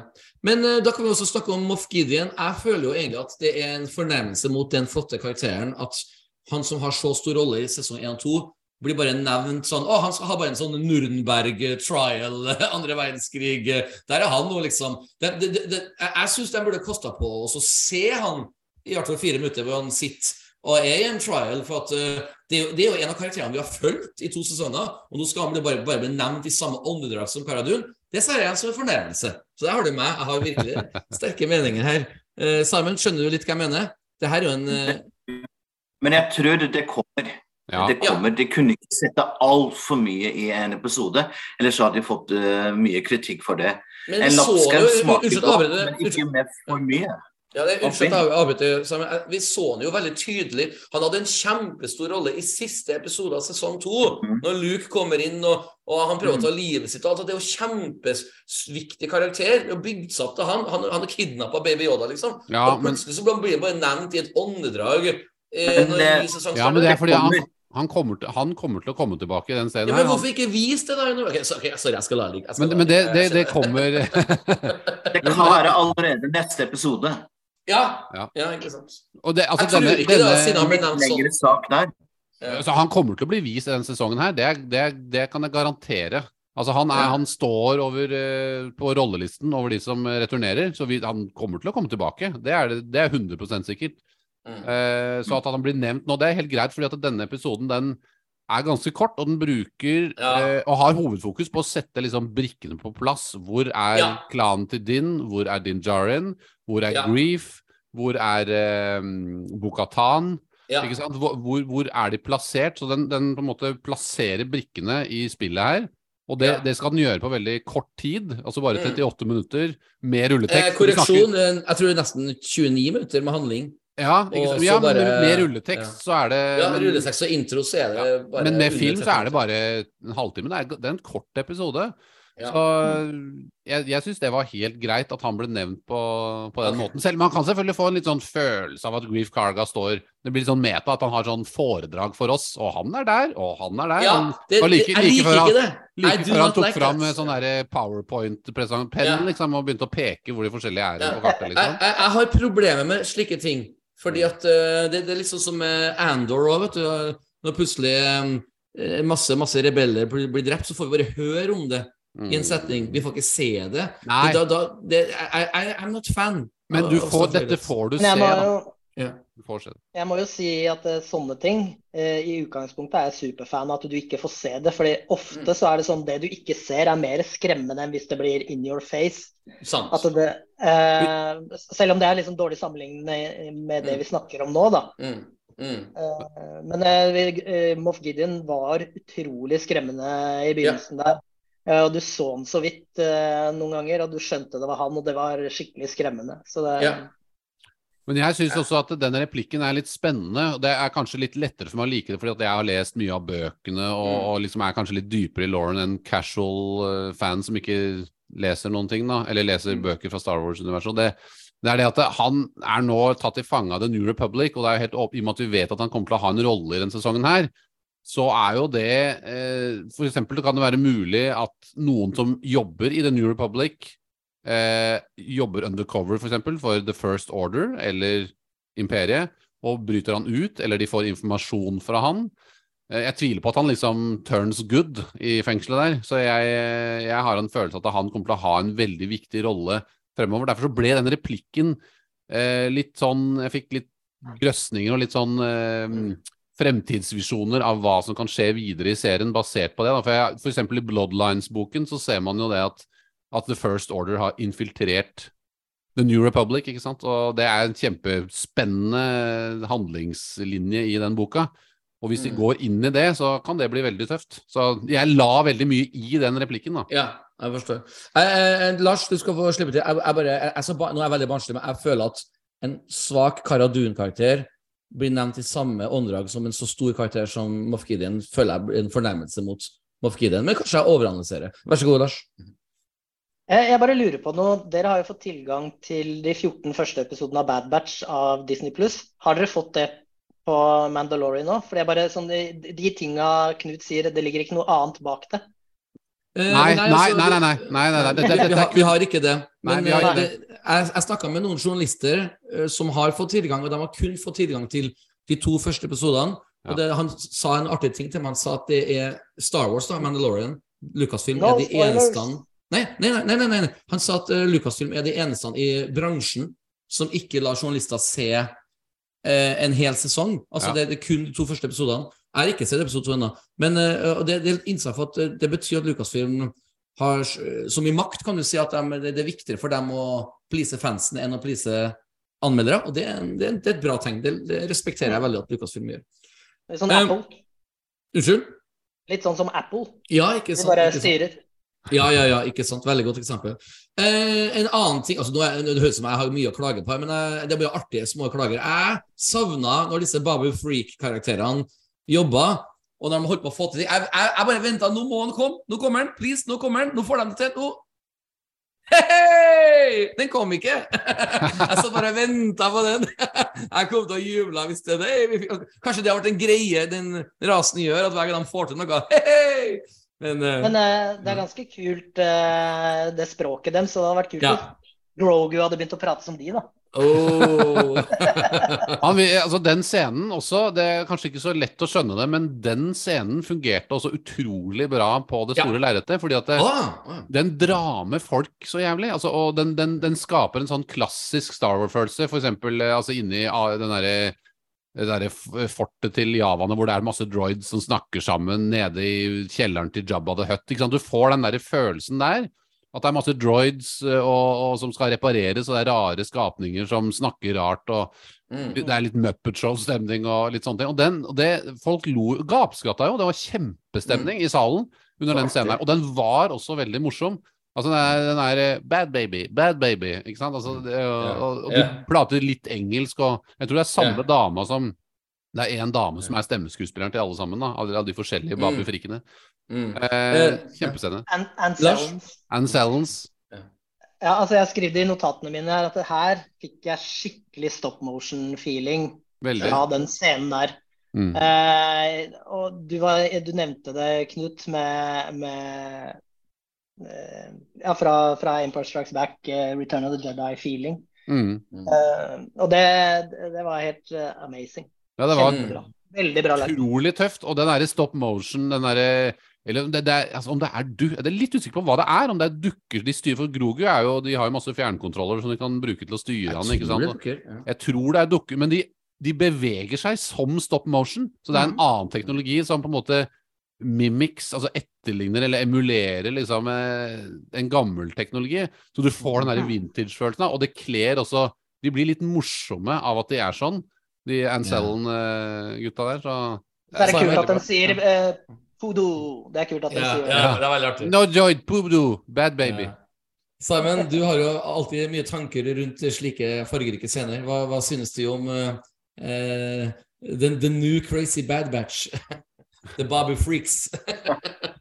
She's a babu freak, babu freak. Dum, dum, dum, dum. Vær så god, Simon. Ja, altså, jeg følte at uh, akkurat denne scenen her var liksom comic relief. Mm. Uh, det har jo også blant annet det med Ja, akkurat det det var. de sier, de sier jo de sier poodoo, og da do you, do you speak Hatties? Ikke sant? Det er akkurat som Ja. Jeg forstår pokker ikke hva de mener. Og så skal Griff Kala oversette. Så han, han oversetter jo faen meg Han sier nøyaktig det samme, bare Ja. med synonymer. Ja. Han bare Det, det er veldig artig. It can't be repaired. Og så Ja. bare ser du ansiktet til, til Jara bare snur hjelmen bare You think? Liksom. Ja, ja, ja. Og, og bare det visuelle, at han, eh, Din Djarin sitter inne i det lille huset, veldig morsomt. Får litt sånn Empire Strikes Back, som sagt, sånn Luke-vibe. Ja, og så er det litt sånn Gandalf inni huset til Frodo. ikke sant? I Ja. sånn små hus, Ja. det er for trangt, og det er små Ja. dører. Love it. Og at, og den verdens, Det er veldig mye bra verdensbygging her. Ikke bare i forbindelse med det visuelle, men at du blir opplært i hvordan hyperdrives virker, og hvordan hun lager den Mandalorian-hjelmen med tekken og alt det greiene her.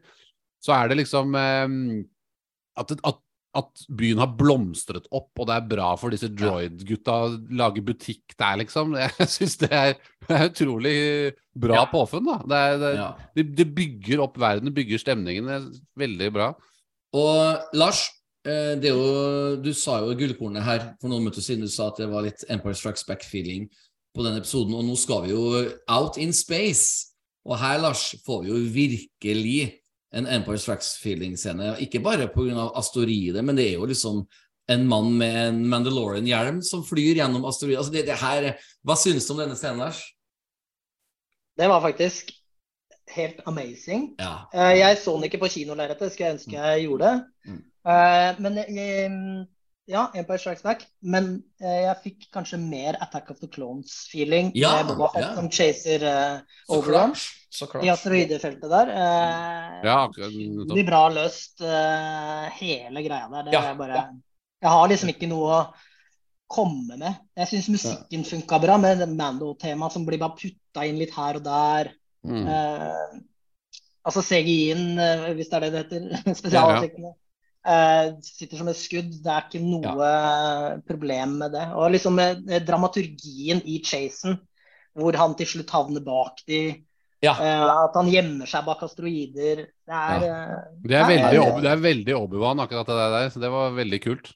mm. Er fantastisk. Og jeg- ja. Jeg, jeg liker Attack of the Clones, jeg, så jeg setter veldig pris på det her. Mm. Ja, ja, ja. Hva med du, Knut? Likte du scenen her, du også? Jeg har bare skrevet 'fantastisk', jeg. Det eneste notatet jeg har. Kjempekult. Altså, det er jo en forlengning av den eh, western standoffen de har ikke sant? Mm. Eh, i byen, som også var veldig kul, forresten. Som er litt sånn John Wayne Eastwood-aktig.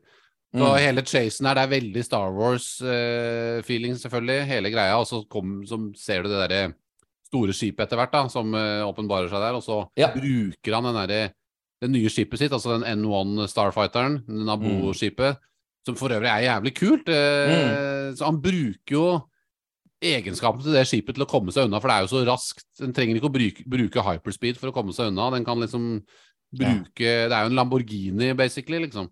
Mm. Så mm. eh, hele den scenen var veldig tøff. Jeg stilte kanskje litt spørsmålstegn ved han eh, sjefspiraten. eh, Ah, stealing my Gorian. Altså, det ble, det ble litt Altså, det, de, det blir veldig Pirates of the Caribbean. Da. Åh, Altså, jeg må bare David Davy Jones. Ja, det er David Jones. Og så, så, så alt er veldig sånn Det er veldig in-house-inspirasjon, for også hele det der Ja. piratskipet er veldig sånn Yondu, Guardians of the Galaxy, Ravagers-aktig. Ah, Sånn feelingen. Så, du, så jeg Mm. fikk litt sånn Ok, Disney bare tar inspirasjon for sine egne ting, og så putter vi det Ja.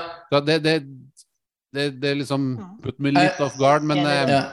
Jeg, skal ikke si så mye, Knut. Jeg skal bare si at jeg noterte meg David Jones, spørsmålstegn, og så har jeg skrevet denne karakteren hadde passet bedre i Bad Batch enn i Mandalorian. For jeg føler Ja. at den blir veldig sånn cartoonish. Men Ja. eh, Simon, hva tenker du?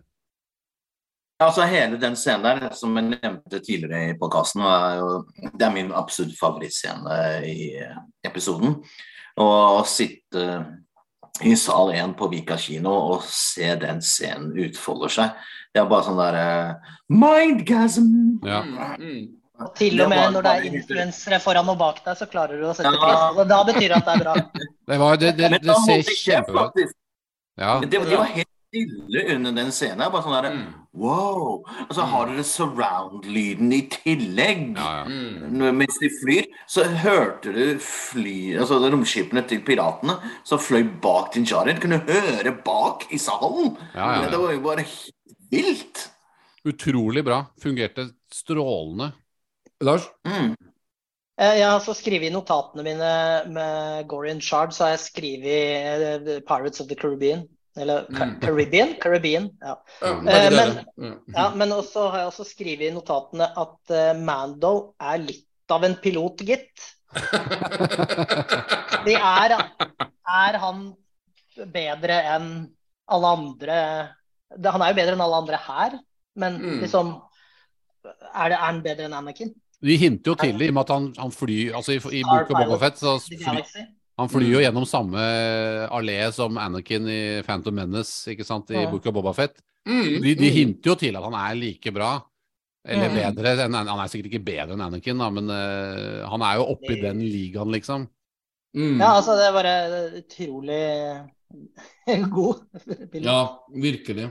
Det her jeg kommer til å overraske dere. Jeg, jeg, jeg, jeg, må be be om unnskyld på forhånd for at um, jeg skal prøve å ikke komme et antiklimaks nå, men det neste scene, du vet når man kommer til Kalamara der, så føler jo jeg at regimessig så blir det litt sånn antiklimaks, for det går så tregt, den pratinga. Så når da plutselig rulleteksten kom, så får jeg en sånn en Really? Var, var det avslutninga på en så kul episode?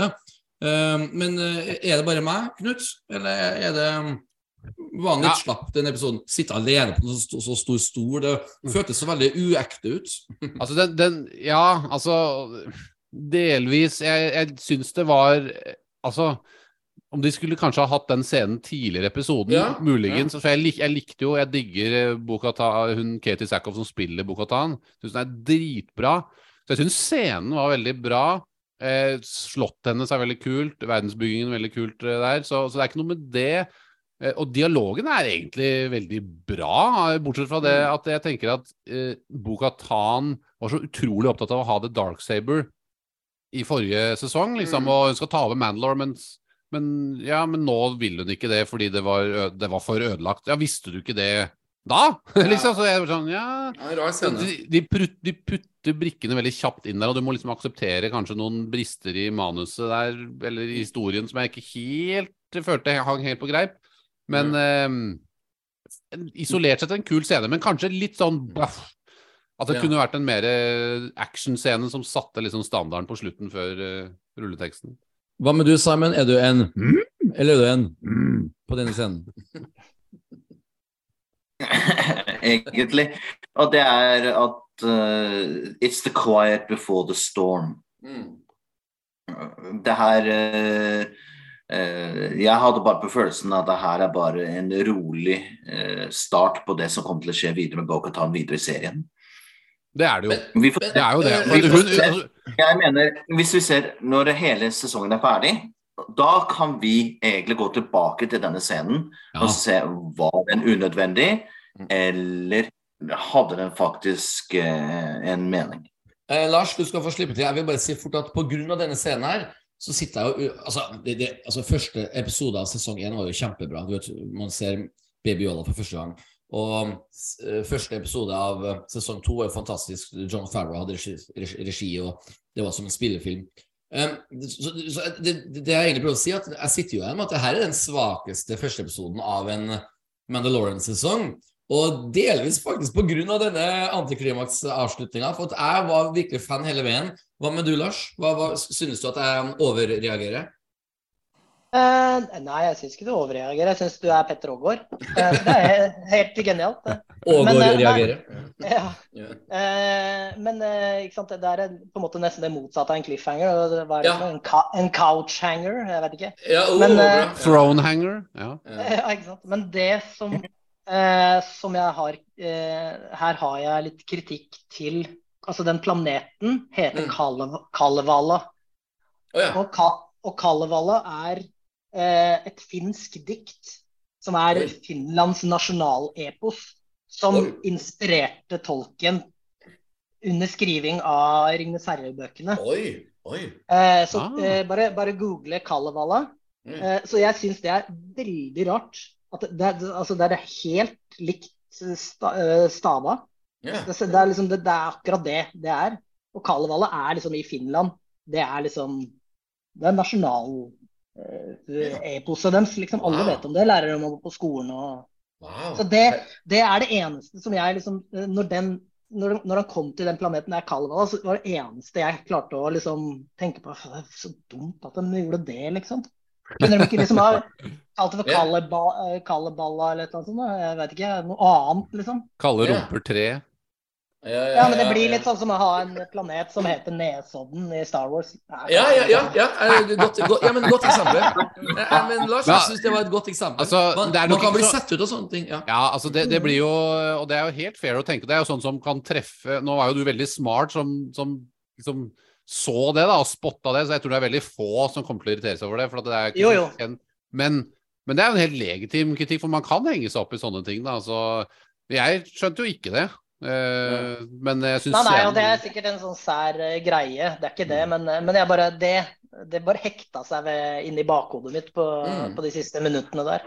ja. Mm. Utenom, utenom det så har jeg ikke noe problem med den scenen. Jeg syns Katie Sackhoff er fantastisk skuespiller. Hun er Hun, ja, hun er kjempebra. Men når jeg så sesong to på nytt igjen nå, og så den episode chapter eh, 15, blir det da, med når Mandalorene kommer for første gangen der, så hadde jeg glemt egentlig hvor bra Katie Sackhoff er. Eh, Mm. For hun var mye bedre enn jeg huska, så den episoden var enda bedre enn jeg huska det, og mye takket være henne, egentlig. Så jeg, og hun har fått en stor Mm. rolle i sesong tre, så jeg, det, så vi, det også går jo litt videre til poenget at det, selv om dette her var en veldig sånn stillesnakkende scene, og, du følte at det ble kanskje den kule cliffhangeren eller actionscenen inn til uh, rulleteksten, Mm. så er det, som Simon sier, veldig sånn quiet before the storm, og hun har, kommer til å ha enormt mye å si for historien og hva som kommer til å skje på Mandalore.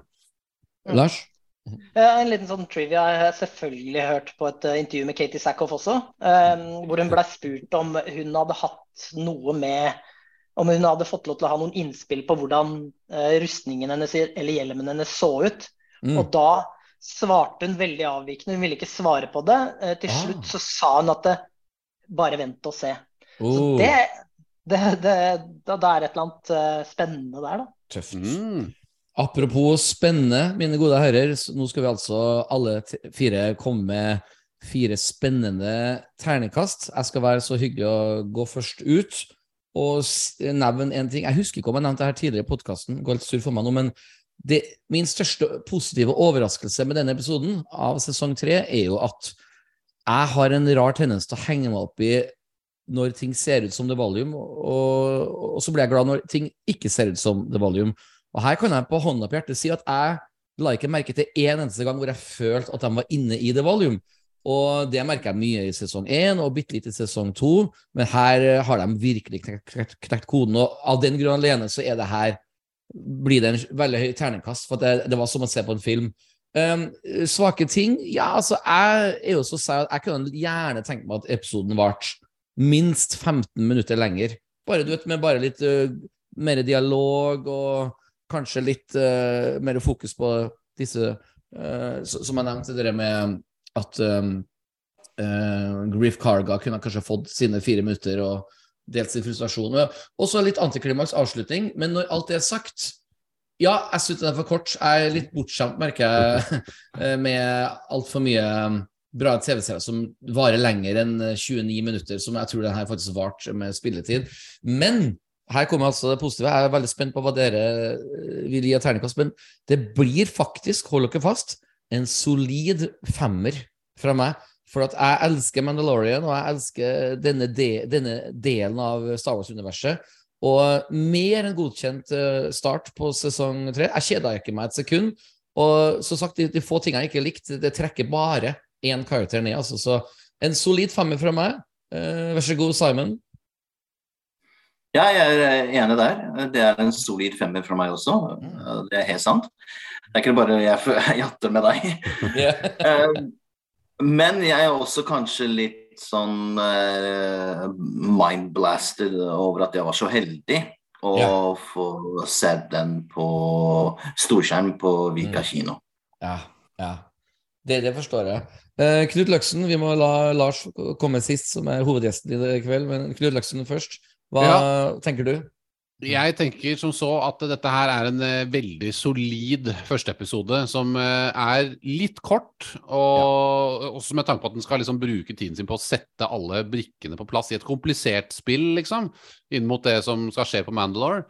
Eh, så, så det er et lite nedtrekk der. Og så kanskje en liten brist med Bo-Katan på hvorfor hun plutselig sitter der og ikke gidder Mm. med det lenger. Ja, Men allikevel er det veldig spennende dette her med at Mando og Grogu nå er de som skal reise der og sjekke om planeten faktisk er giftig eller ikke. De blir på en Ja. måte springbrettet for hva som kommer til å skje videre. Jeg tror jo personlig at, på Man- at det er noe propaganda som har blitt kjørt ut av f.eks. Mm. etterlivningen av imperiet, om at her går det ikke an å bo, men de har Mm. noen hemmelige klonefasiliteter som spiller inn på kulturen til The Mandalorians. Så, så jeg tror det er veldig mye kult som blir avdekket når vi kommer dit.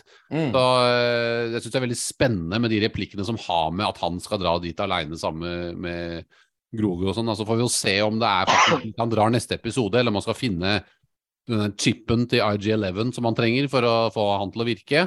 Eh, det får vi jo se, da. Eh, så, men det er utrolig Star Wars is back. Altså verdensbyggingen, kamp, eh, romskipsscenene, altså disse scenene på Nevari hvor han går rundt og du får denne middelalderfølelsen, og det, det bare yrer av Star Wars-liv overalt. Det er Mm. veldig god humor i den episoden. Den, den Ja. episoden jeg har ledd mest i av Mandalorian-episodene, tror jeg. Mm. Kanskje litt fordi jeg var på kino, men jeg har litt følelsen av at det var for det, samme følelse for dere hjemme også. Mm. Uh, Ja, absolutt. Det er Star Wars is back, liksom. Ja. Um, ja. Og det er, mye, det er mye som skjer i episoden, så det er tross alt, selv om man kunne ønske seg mer lenger, så klarer de å Mm. bake det inn på en fin måte. Så um, for meg så er det også en, eh, en solid eh, femmer, altså. Wow. Lars Undli, vær så god. Ja, eh, jeg er jo enig i alt dere sier. Eh, jeg syns det var digg å se aliens og droids igjen. Ja. Eh, Det var sånn ah, Ja. ja. Ja, det, jeg skal være enig i det, altså. Ja. ja. Eh, og den eh, dogfight-scenen eh, var amazing. Mm. Men eh, jeg har en del ting å plukke på det.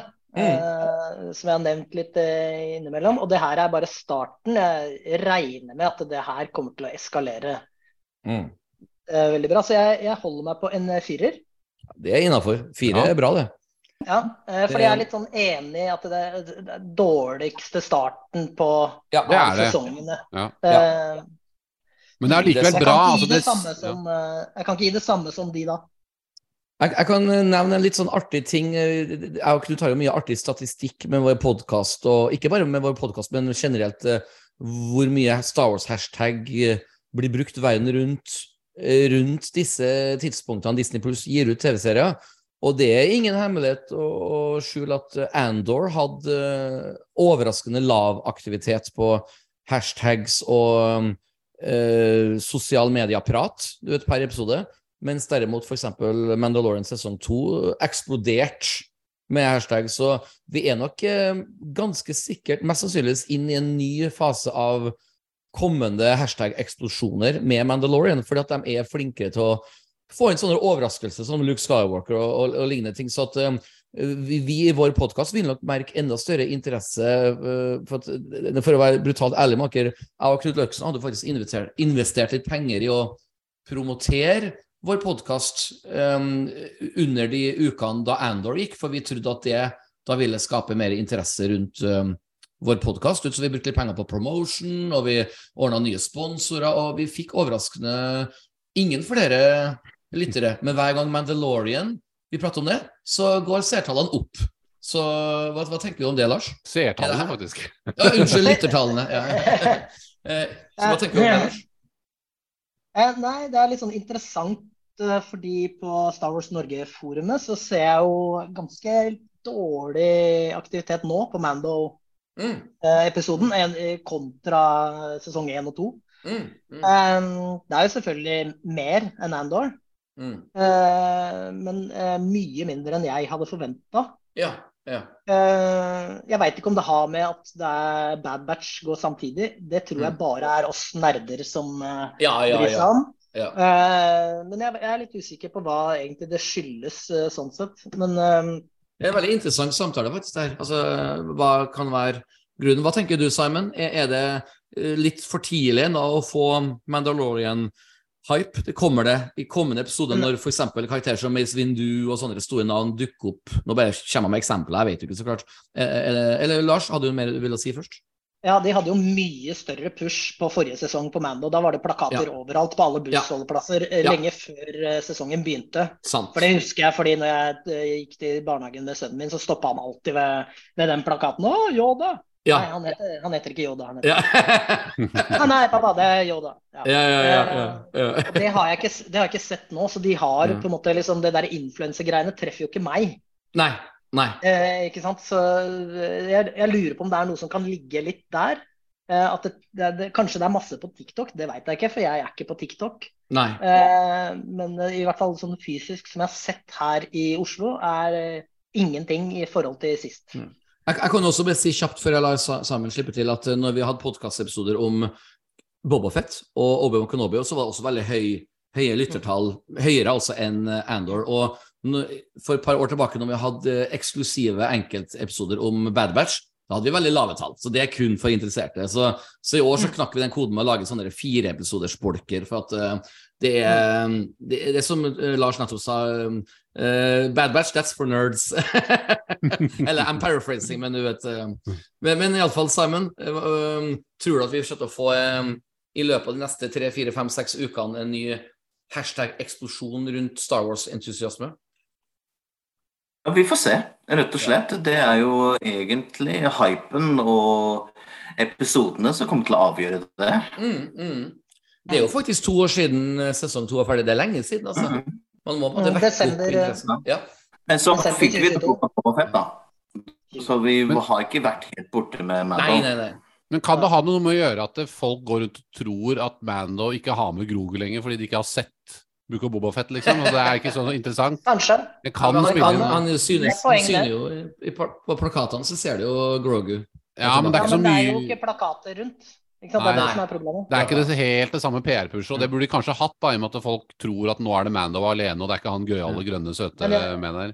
Og så var kanskje ikke Book of Bobafett fikk jo ikke den Fikk jo ikke like gode kritikker heller som Mando. så Det også vil eh, dempe litt, grann, da. Like a bantha, ja. Ja, ja. Vær så god, Lars. Eh, det, det som er interessant oppi det her, er jo eh, når eh, første sesongen av Mando og på en måte releasen av Disney Pluss som en streamingtjeneste. Så liksom var jo målet deres å liksom slå Netflix, og de liksom de, de, eksploderte Ja. med, Ja. med abonnenter. Ja. Eh, og det sliter de med. ikke sant? Ja. Andor var den første Star Wars-TV-serien som ble releasa på hva er det, CBS og liksom Ja, sånn de er, Ja. I USA. ikke sant? Ja. For å prøve å hente inn mer eh, ja. sånn Du har helt rett. da. Du har helt Det Det rett. her, det er, det her er en veldig sånn stor diskusjon. ikke sant? Det er her Bob Iger kommer inn, og, Ja. og eh, hele det derre eh, maskineriet med penger og alt det greiene der. ikke Mm. Veldig bra poeng.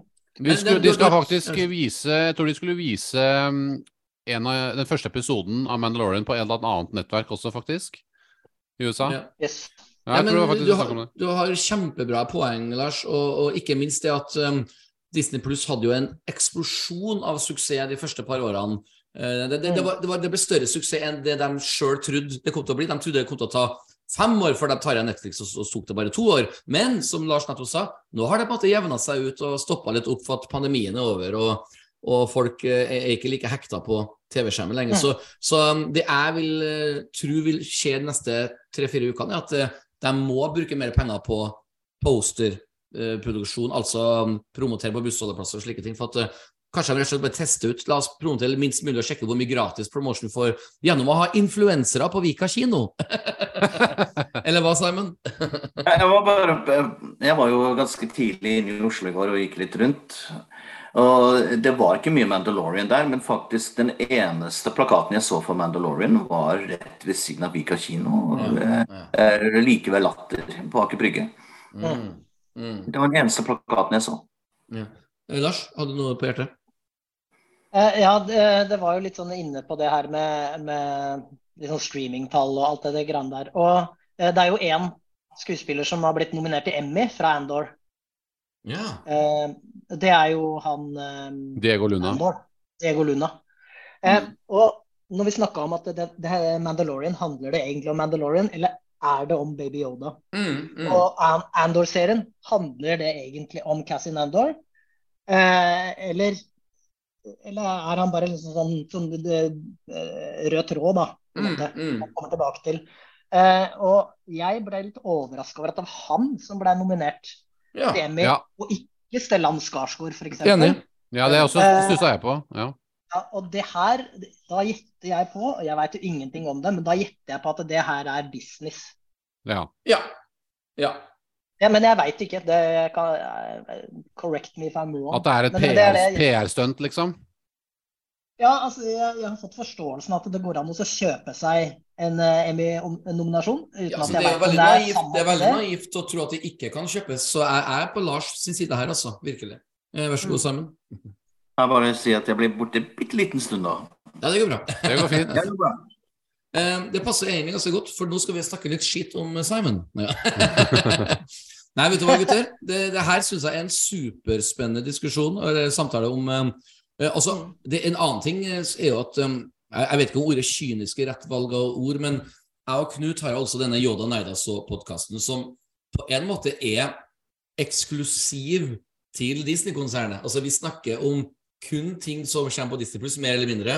Vi har noen digresjoner av og til, men til og med digresjonene våre handler om Marvel-filmer som også er Disney. Så det er jo ikke noe rart at folk som Disney Pluss og folk i den bransjen setter pris på oss, for vi gir dem jo gratis eh, reklame. Mm. Og, så vi har jo på en måte blitt en um, brikke i et interessant spill, for å bruke litt store ord. Men det, det jeg mener med kynisk, er jo det at vi elsker å prate om det. og det- for oss, for, jeg tror jeg snakker på vegne av både meg og Knut, det er jo bare tilfeldig at det er et så stort konsern som Disney som eier det som vi liker å prate om, hvis du forstår hva jeg mener.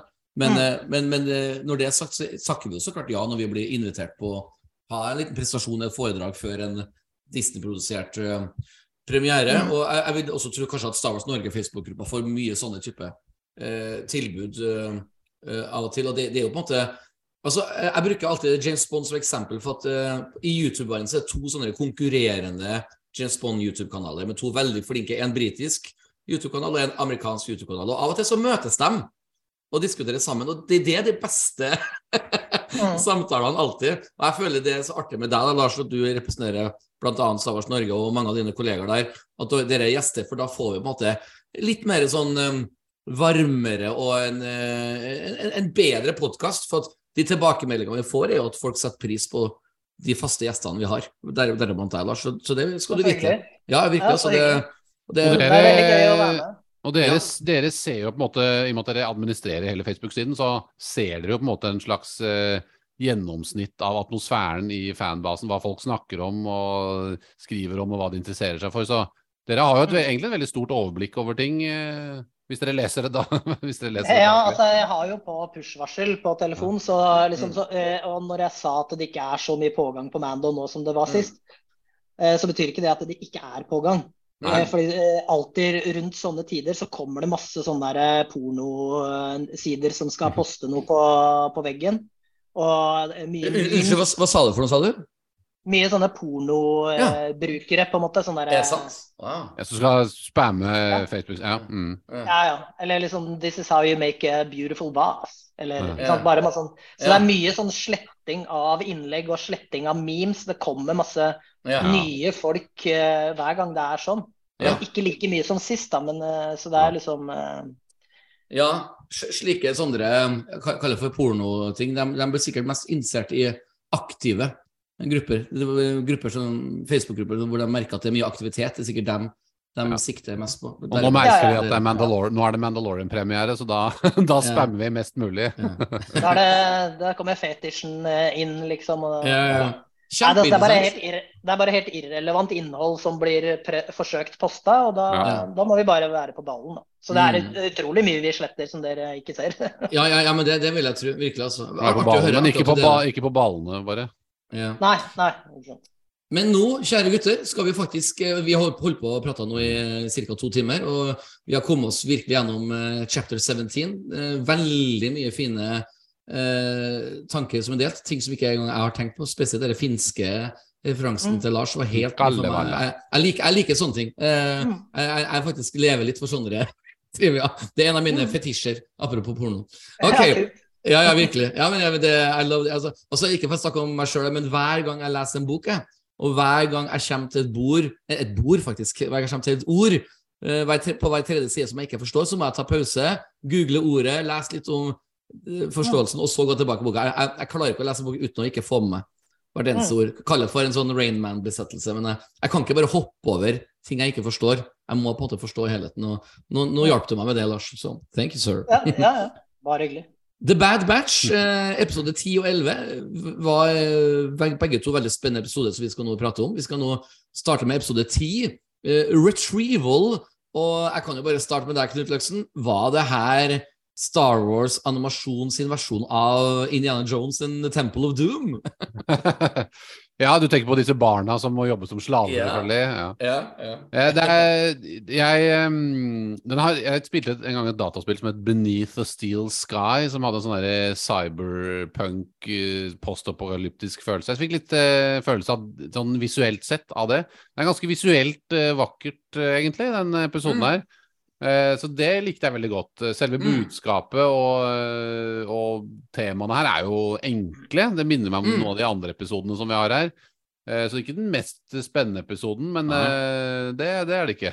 Den, den er veldig standard, og det er, ikke sant, det er han, han slavedriveren. Han er jo Ja. en slags etterkommer. Han har tatt over operasjonen etter det som kalles The Techno Union, det vi ser Mm. i Attack of the Clones. Absolutt. Og så utnytter han disse barna. De får sånne luksusgoder hvis de, hvis de, gjør, eh, hvis de Ja. jobber bra. Og så, det, så, og så er det han som på en måte møter Bad Batch. Han får ikke det han fortjener, og derfor så hjelper han dem. Og Ja. budskapet bla, bla, bla. Men ikke for å avbryte deg, Knut. Jeg vil bare gå litt tilbake til den tekno-unien. For at jeg så at Lars Undli smiler her. Og som jeg nevnte i starten av denne podkasten, det er artig at du er vår gjest i dag, siden du har en så stor kjærlighet for eh, prequel-trilogien. For at um, tekno-unien har jo faktisk en ikke bare en viktig brikke, men um, en veldig funky brikke, vil jeg si. um, i prequel-trilogien. Jeg personlig syns de er kjempespennende, og jeg er veldig fascinert over hjernen til George Lucas, som har sett for seg at her er det så klart en hel egen tekno-union som har sine meninger, og som jobber med Count Duke og sånne ting. Så det, det var jeg, Ikke for å legge ord i din munn, Lars, men det, det var sikkert artig for deg å se øh, dem igjen. Mm, ja, for så vidt. Uh, enig i den eh, eh, observasjonen der. Han, han heter Mokko, forresten. Han Ja, Mokko, ja. Ja. ja. Eh, men eh, sånn episodemessig så var han litt sånn ja. Det henger jo sånn sammen med forrige episode. kanskje. Ja. Ja. det er en del to, egentlig, faktisk. Det skrev jeg i notatene. Jeg har, det er den jeg har minst notater av, fordi jeg har skrevet Ja. notater på alle sesongene. Ja, ja, ja. Nei, ikke alle sesongene, alle episodene. ja. Jeg vet ikke om dere kan se det, men det er liksom Nei, for du har, på sånn, bl du har sånn blur på, så alt bak deg er sånn Du har sånn Ja. kunstnerisk Jeg får ikke lov til å lese hva jeg skriver. Du har Nei, det går bra. Alt er sladda. øh, Men det, det, er den, det er den episoden jeg har minst eh, notater på. Og Ja, det går bra. Det, ja, det betyr ikke at jeg syns den var kjempedårlig, eller at det var en filler eller noe sånt noe, men uh... Det Men det var øh, filler. Handlingsmessig så er den jo ganske tynn. Eh, Jeg kan komme et spørsmål til Simon. og eh, Nok en digresjon til våre unge lyttere har ikke peiling på om nå, men på 80-tallet så var det en TV-serie som het for The A-Team. som da igjen på 90-tallet gikk på TV3. Jeg husker da jeg gikk på ungdomsskolen, så kom jeg alltid hjem fra skolen og så på The A-Team med Mr. T. Og det er egentlig en ganske bra serie. Handler egentlig om eh, en, et team, en, en del folk som ikke har gjort noe galt, men likevel så går de rundt og hjelper andre folk. Er The Bad Batch The A-Team, Simon? Ja. det er jo veldig Eh, Ikke bare én, det er veldig The basert på det. The A-Team var jo soldater under Vietnamkrigen og ble talt for Mm. forbrytelser de hadde begått. Yeah. Og sånn er det jo med The Bad Batch òg. De har vært med i The Clone Wars. Eh, Og de nekter å følge ordre, som yeah. er Order 66. Og, Re og Wrecker er jo Mr. T, selvfølgelig. Og... Ja, korrekt. Det er jo det å det er sånn mangler litt uh, chains. ja man har litt mer chains. bling. Man har bedre bling, det er sant det. Ja. Men det, det er, altså, bare for å snakke, altså, Star Wars er jo Iallfall moderne Star Wars er jo kjent for å kopiere altså, Vi har jo snakka om det allerede i Mandalorian episode chapter 7, der at uh, man tar ting fra uh, andre ting. og uh, The Bad Batch er jo i hvert fall ingen skam i å nærmest stjele referanser fra andre ting. Slik som denne episoden med Temple of Doom og ikke minst The A-Team. Men det egentlig jeg lurer på, er Tror du det var tanken fra the get-go, Simon? At uh, The Bad Batch er liksom basert på denne sjarmerende A-Team, som også hadde liksom put their guns on stun. Hvis dere husker på A-Team-episoden, de skjøt og drepte alle noen folk. Det var Nei. veldig sjelden de holdt i våpen, og hvis de holdt i våpen, så skjøt de bare opp i lufta.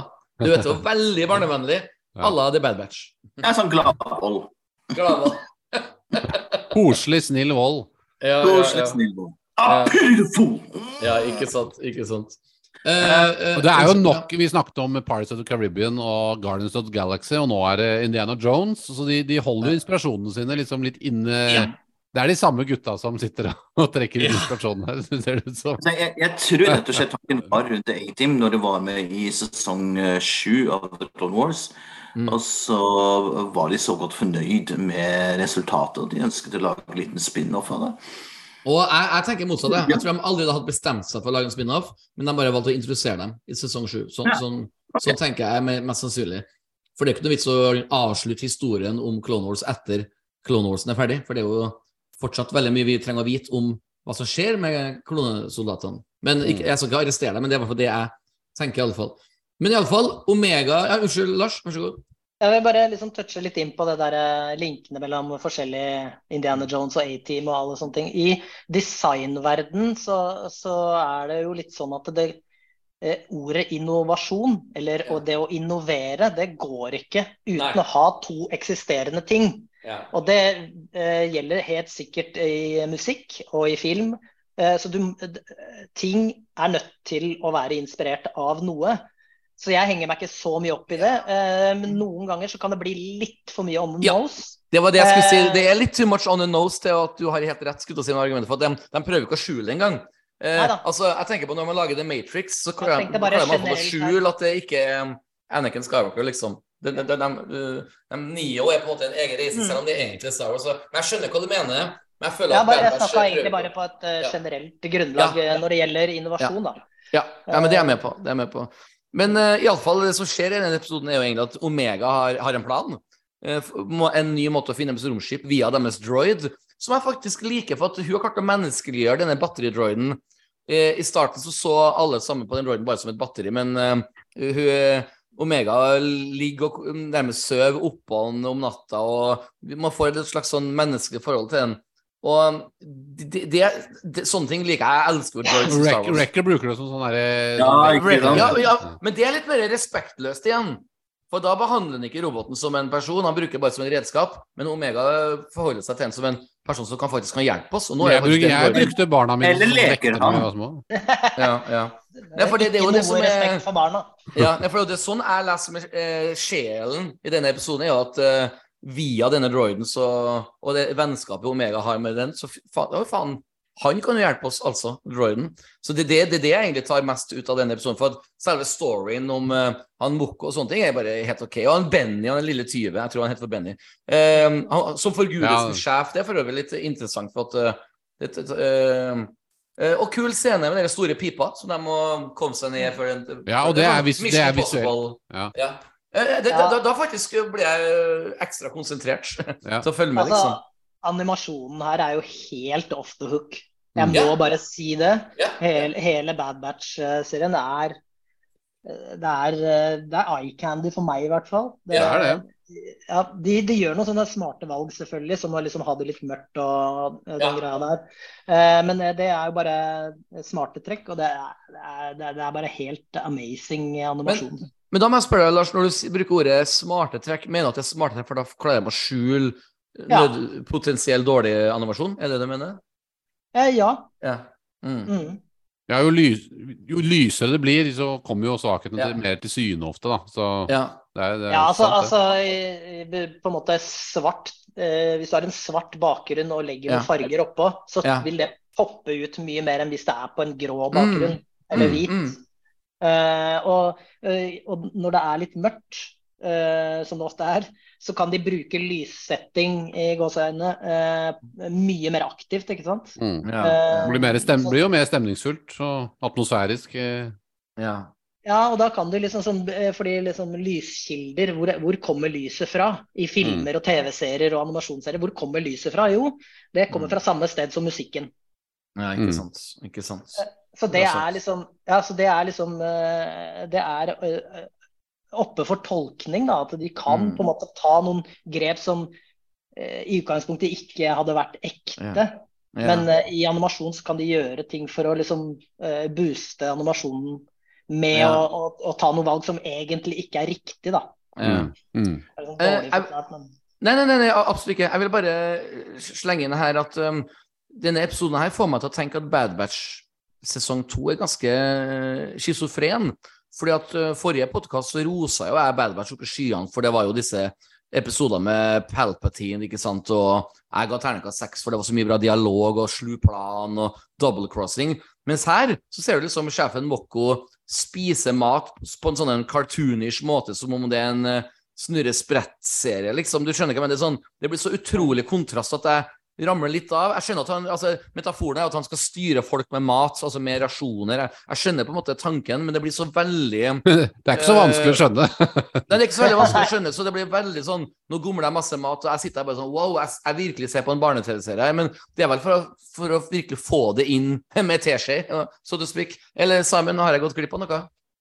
Nei, altså, det her er eh, vanlig innenfor uh, teatret, dramaturgien, at uh, the good guys are good and the bad guys are bad. Ja, ikke sant. Altså, jeg, jeg skjønte ganske fort ok, denne fyren kommer til å dø i løpet av episoden.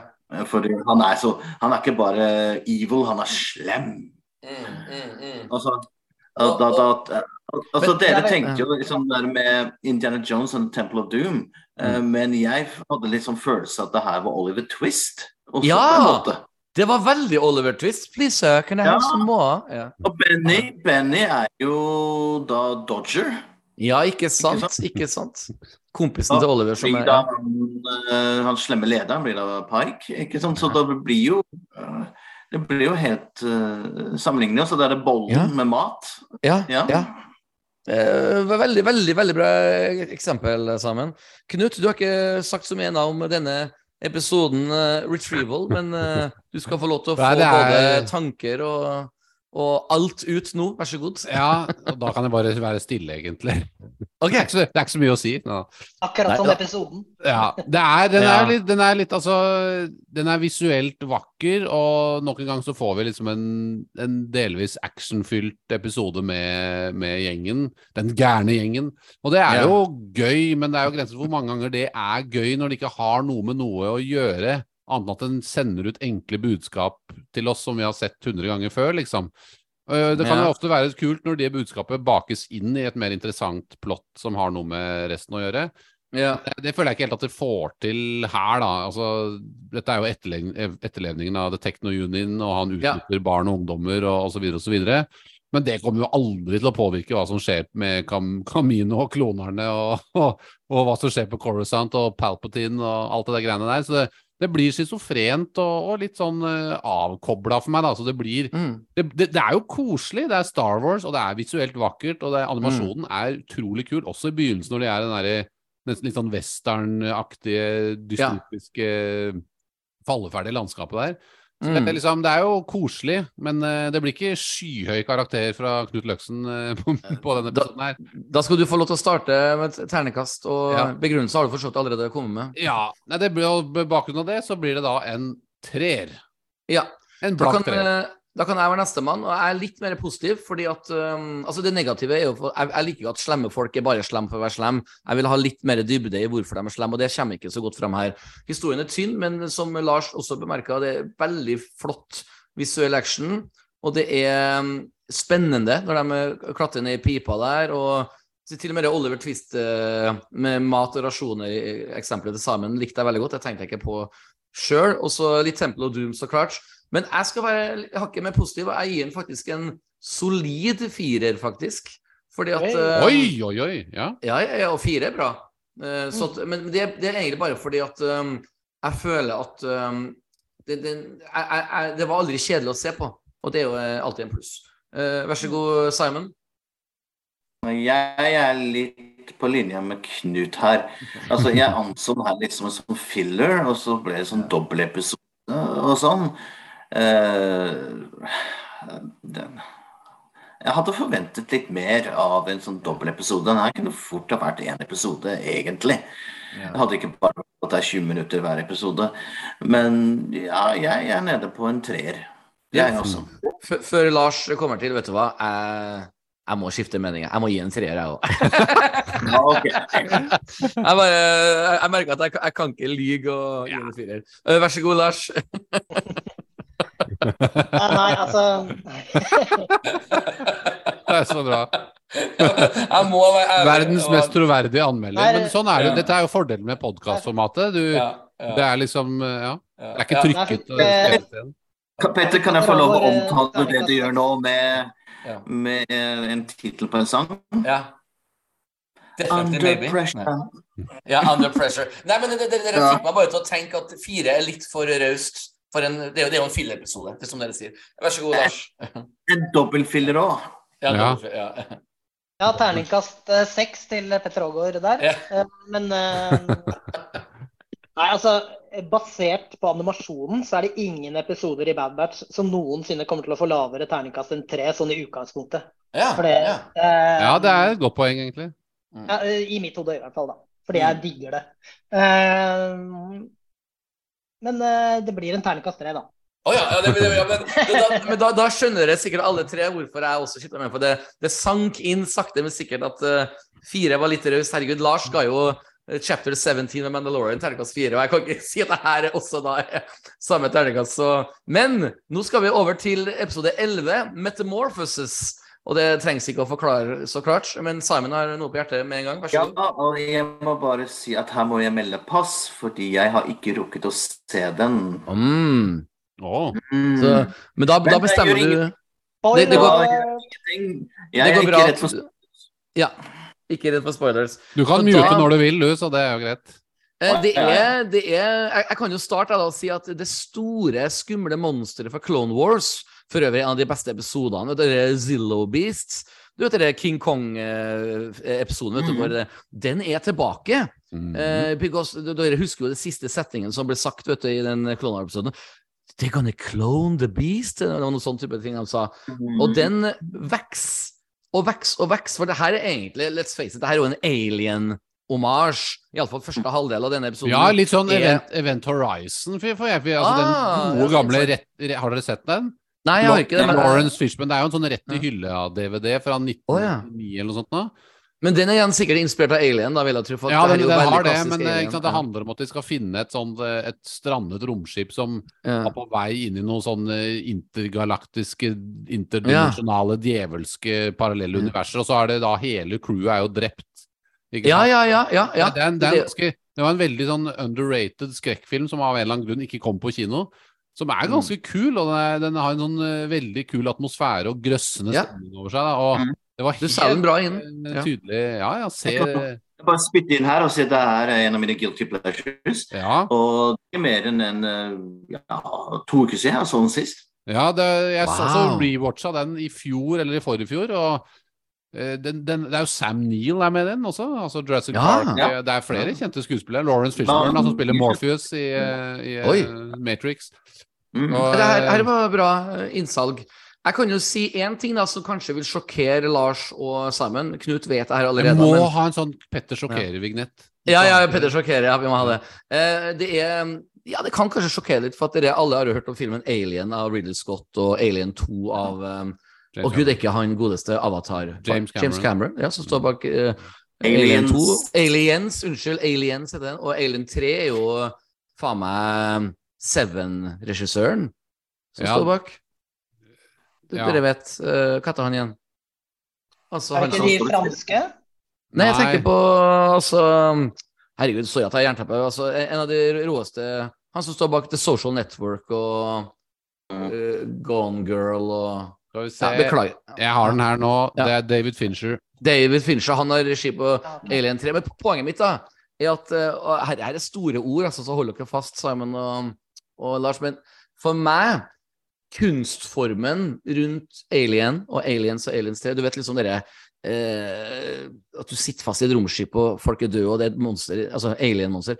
Er, er, og, ja, og nå skal jo Ridley Scott lage en TV-serie om aliens, tydeligvis, som skal komme på noe Mm. Apple Pluss eller Disney Pluss og sånne ting. Men jeg Hold dere fast, her kommer altså det jeg skal si. Jeg elsker den kunstformen med alien og aliens like mye som Star Wars. Men Dette har du jo sagt før. eh, Petter. Ja, men du, du Nå vet det, trodde men jeg at du skulle si noe helt annet. Det, Ah, ja, ja. det var liksom det Ja. skikkelig underwhelming eh, Ja, ja, ja, ja. innsalg. eh, Dette var jo ikke sjokkerende i det hele tatt. Altså, Alien er jo dritbra. Det var det samme. så stort, men jeg syns at selve konseptet med å sette seg ned med penn og papir og skrive aliens eh, man- filmmanuskriptet, for meg er like imponerende egentlig som var George Lucas' kart, for at det er så fengslende bra. Så Sånn sett er det veldig artig at de, her, denne uh, Bad Batch-episoden er en omasj til uh, aliens. Vær så god, Simon. Ja, nå, nå, nå fikk du virkelig min interesse i gang her. Altså, Ja. fordi Zilla Beast er blant annet en av mine favorittepisoder. Ja. For det var jo flere episoder. Clone Wars som handlet om det var en liten ark. Ja.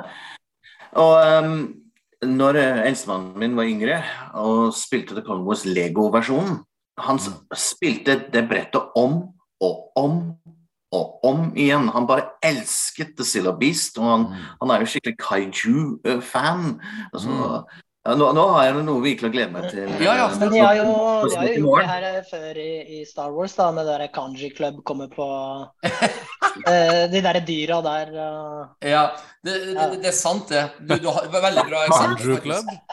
Ja, i- Kanji. Takk til Kanji Club!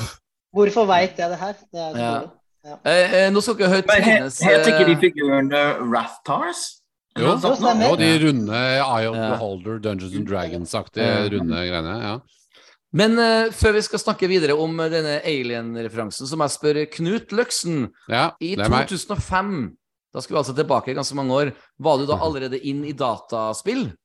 Om jeg var inne i dataspill? Ja, og da tenker Jeg er jo født inni et dataspill. Ja, eh, ja, ikke sant? For det var nemlig et dataspill i 2005, Star Wars-spill, som heter for Clone Commandos. Ja. Har du spilt det? Nei, jeg har fakt det, det heter Nei. Republic Commandos. Å, hva beklager. Ja. Beklager. Men det, det hadde jeg på radaren min den gangen, og så har jeg aldri faktisk spilt det. Det er jo Fordi dårlig av meg. Fordi de stormtroopersene som er med i denne episoden her, Ja. er jo de samme stormtroopers Ja. som er med i det TV-spillet. ja, det er sånne Republic Commandos, ja. Det Ja, er helt det- riktig. Som da det. Imperiet fortsatt bruker, da. Ja. De har sånn sånne- eh, lyseblå øyne. Ja. Det er mer sånne elitesoldater da, som blir brukt i sikkert litt sånn vanskelige oppdrag. eh, Liksom. Ja. Det er elitesoldater, rett og slett. Ja, ja. Og, og det var en veldig kul uh, Hele åpningen, som sagt. Veldig Event Horizon, veldig Alien. ja. Og det var en, igjen en litt sånn sterk kontrast til hva som skjedde i forrige episode. For her er jo denne episoden, så føler jeg at uh, Bad Batch Selv om jeg har en liten kritikk for at det, igjen så er det Sid som driver og bestemmer hva de skal gjøre. Ah, Så er hun jeg som- skrev det. Ja. I, I lock it the down ship and you have to retrieve the ship. Og så liksom ah, OK, we do it 50 Men Kan ikke dere bestemme det selv, da? Men det er jo Ja, det, nå begynner de jo å, å snakke om det her, at de Ja da. Det kommer jo til å skje Jeg- jeg vet det, og Det, her, er min, her er min kommentar. det er leit, ja. og det, og det er, det er, Nei, jeg er enig i det, altså. Jeg er helt enig, Lars. Jeg vet det at de snakker litt om det, men jeg, jeg ville jo bare kappa hunene på henne for lenge siden. Ja, ja, ja. Ja, det er jeg helt enig i. Men allikevel, da. irritert. Så det, det, men det blir en uh, liten detalj i, i det, det faktum at de kommer inn i en setting som som har noe med imperiet sine skumle planer å gjøre. Så de blir involvert i noe som er viktig, føler jeg. Ja, er, I ja. kontrast til de forrige to episodene, så er de kanskje viktige for disse 13 barna som bor sammen med Mokko, liksom. Men det, det blir jo ingenting i forhold til Det blir jo ingenting i forhold til uh, imperiet. Altså, imperiet dreper jo sivile her fordi de, de er vitne til noe de ikke Ja. vil de være vitne Det er interessant. Kvinner og barn også. Det er ganske Ja, sant. og det er jo mørkt, og, og, Ja. det er, og det er ikke bra bare fordi ting er mørkt, men uh, det er jo et plott her, og Silo Beast har vi sett før i Clone Wars, og den har koblinger til den store Clone Wars-historien generelt også. Og vi får vite mer om eh, hva de vil bruke Sillo-beastet til. Altså, Ja. Og de vil, bru, de vil bruke mm, De har, vil ha hjelp av Caminion- Caminion-rasen Ja. til å Det var vanskelig å si. Caminoans. eh, Nalle Pu- er tilbake. Nalle er og Ole. Brumm er tilbake. Ja. Og, øh, så det, det, det er en veldig Dette er en, definitivt en bedre episode, ja. Ja, og um, Lars, du skal få slippe til. Jeg skal bare si det Simon at um, Lama Su er tilbake. Du vet altså um, Hun husker jo på for, Eller han husker på fra Attack of the Clones. Og um, vennen til um, hun lille jenta um, Omega. Nala C er tilbake. Men uh, Lars, ja. uh, Lars, uh, dine tanker eh, eh, om denne episoden? Har du noe du vil dele? Ja, jeg sa tidligere at eh, den forrige episoden var den jeg hadde skrevet minst om. Men Mm. det var fordi at jeg hadde skrevet noe om den. Den her har jeg ikke skrevet noen notater på. Ah, okay, okay. Fordi jeg forsvant så inn i den episoden her. Ja. Mm. Eh, og her skjer det jo ting som eh, drar plottet endelig litt mer framover enn de to foregående Yes, episodene. Yes, med, med hvor det blir reveala at det er eh, eh, Omega de må finne. Den lille jenta. Mm. Eh, så det, altså, det er utrolig spennende episode der. Det er Ja, det- bare, det.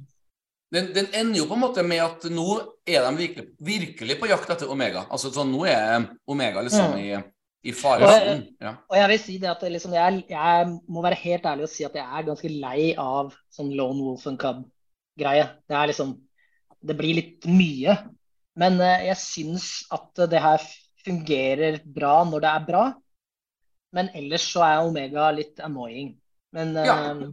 Men de er jo de er ikke lone, det er jo four wolves and a cub. med ja, jo, jo. Men det er, en, eh, det er en, et lite barn med i den serien her. Det er et lite Ja. barn med i, i Mando. Jeg begynner å, sånn helt ærlig begynner å bli lei det. Men uh, sett bort ifra det, så her, var det her liksom sånn ordentlig mye bedre enn de foregående episodene.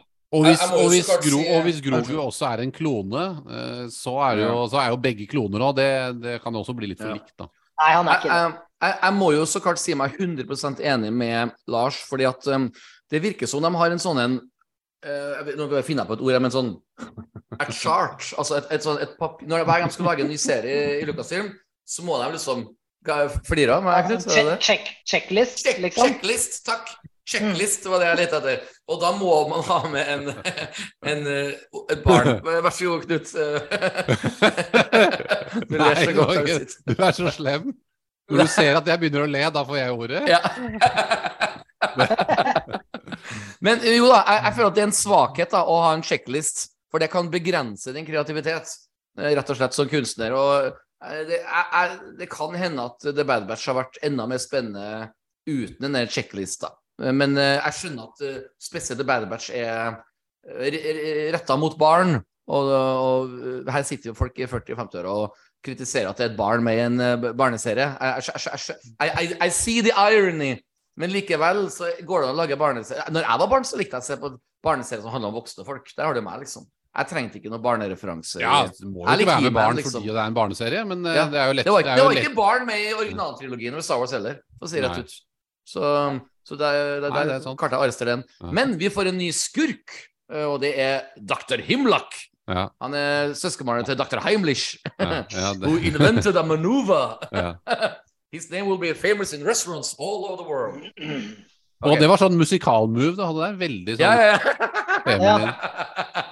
Hva heter det? Sånn jazz uh, pas de bourré? Jazz hands. Ja, Jazz hands. Ja, ja. Iallfall, da, jeg tror at han eh, Dr. Himlak kommer til å få en større rolle. Jeg tror han uh, har Mm. kommet for å bli.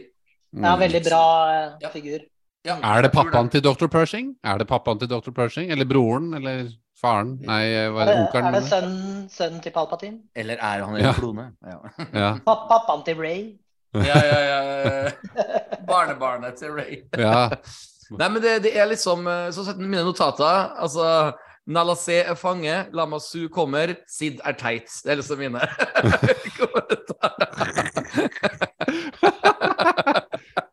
Petter er enkel. Men, eh, ja. Men de sender iallfall infoen over til Echo og Rex angående denne Zillow-beasten. Og det er nok eh, starten her, her episode er nok starten på det at alle klonesoldater etter hvert slutter å jobbe for Palpatine, tror jeg. Så det her er jo egentlig en ganske spennende episode. Det, det, det, det er mye som skjer, og endelig så er The Bad Batch engasjert i the big story. Men, men det er én ting jeg ikke skjønner, og det er altså de skal bruke denne Sillobisten til å lage panser. Eh, men panser til hva, liksom? Er, det kan jo ikke være til Stormtroopers, for at de dauer jo veggimellom hele tida, liksom. Altså Skulle han først liksom finne noe ordentlig armor til dem, så ville jo ikke de dø så lett overalt som de gjør i alle filmene. Så det må jo være til noe annet, tenker jeg. Men, Jeg tenkte eh, litt sånn i utgangspunktet til skip eller eh, noe sånt noe. Eller ja, at de altså tanks, ikke tanks, men eh, Ja. ATS-er og AT-AT-er og det, det, det, Jeg tenker jo heller det.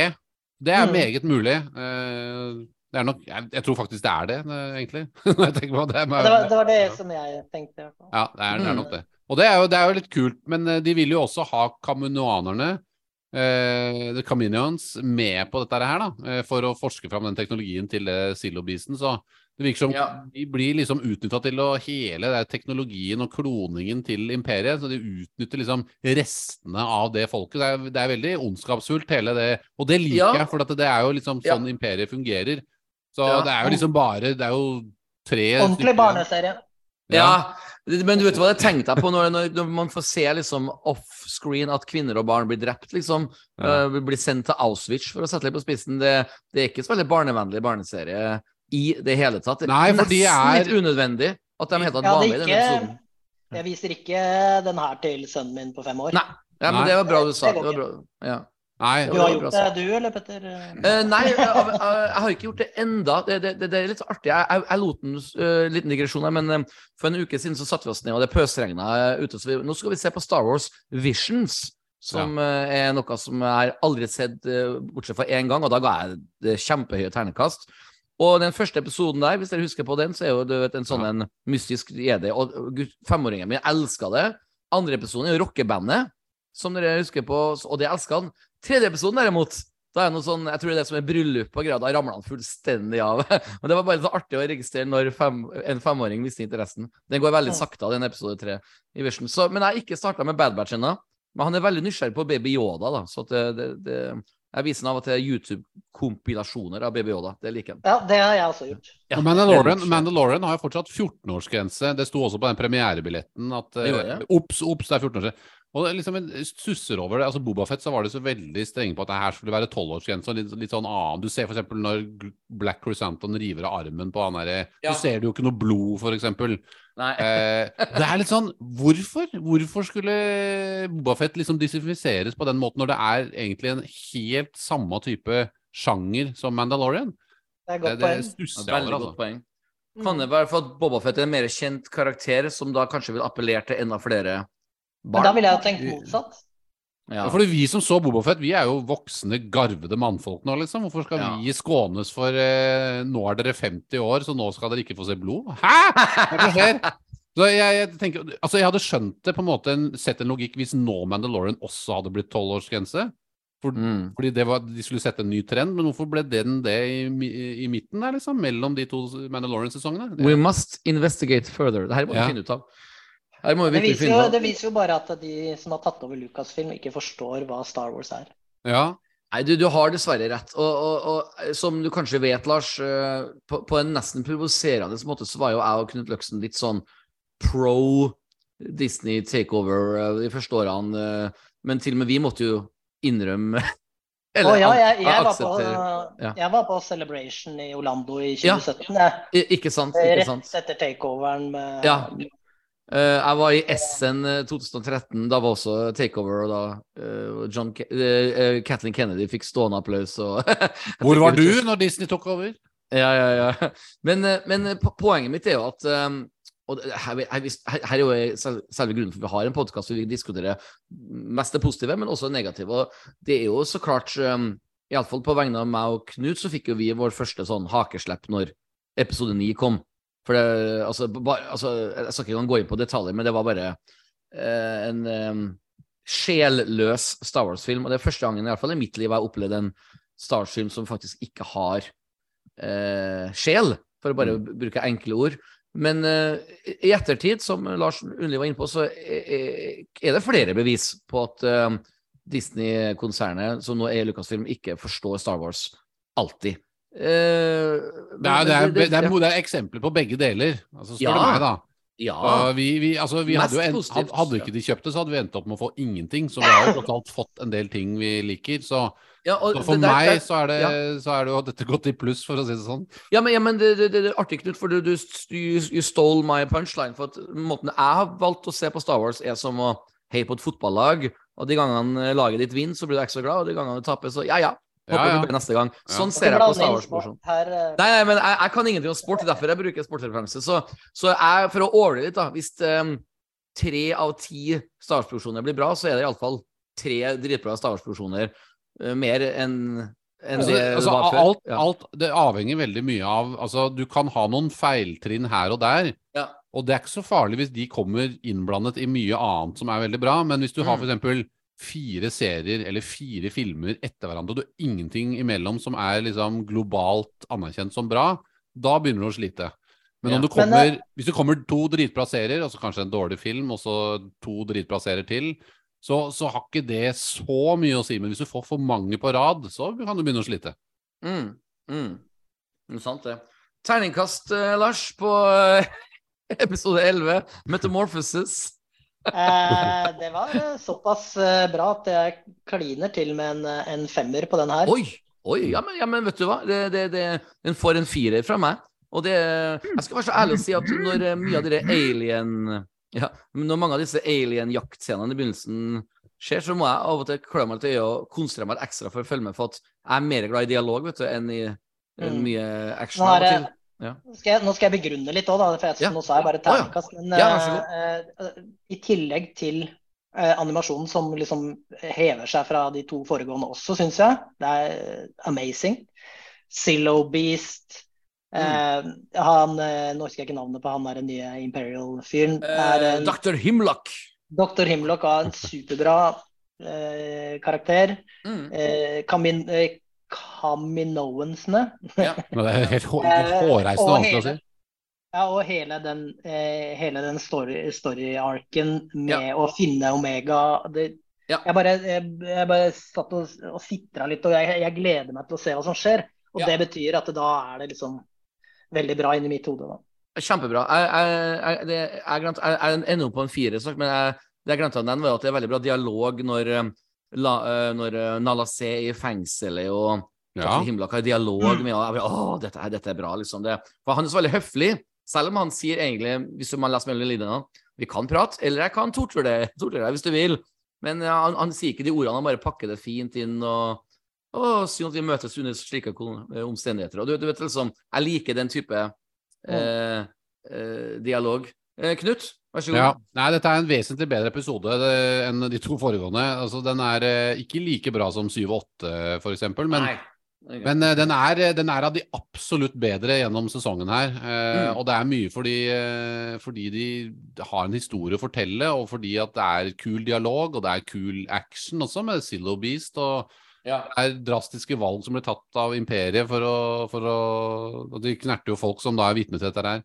Eh, Dette Zillow de vil, de vil de, de portretterer imperiet på en veldig riktig måte her, da. Litt sånn som i Andor. Du får en sånn grufull følelse av hva dette er for noe. Mm. Det, Det er kult at det Zillow-beastet det feeder på energi for å vokse. Det er Ja. sånn kul Ja. greie. det er litt sånn, litt sånn Doomsday, eh, Batman v Superman-aktig Ja, stemning. veldig godt eksempel, faktisk. Det, det var det jeg tenkte på. Jeg noterte meg, Ja. faktisk. Ja, ja, ja. Simon, hvis du skal gjette hvilken ternekast vil du gi?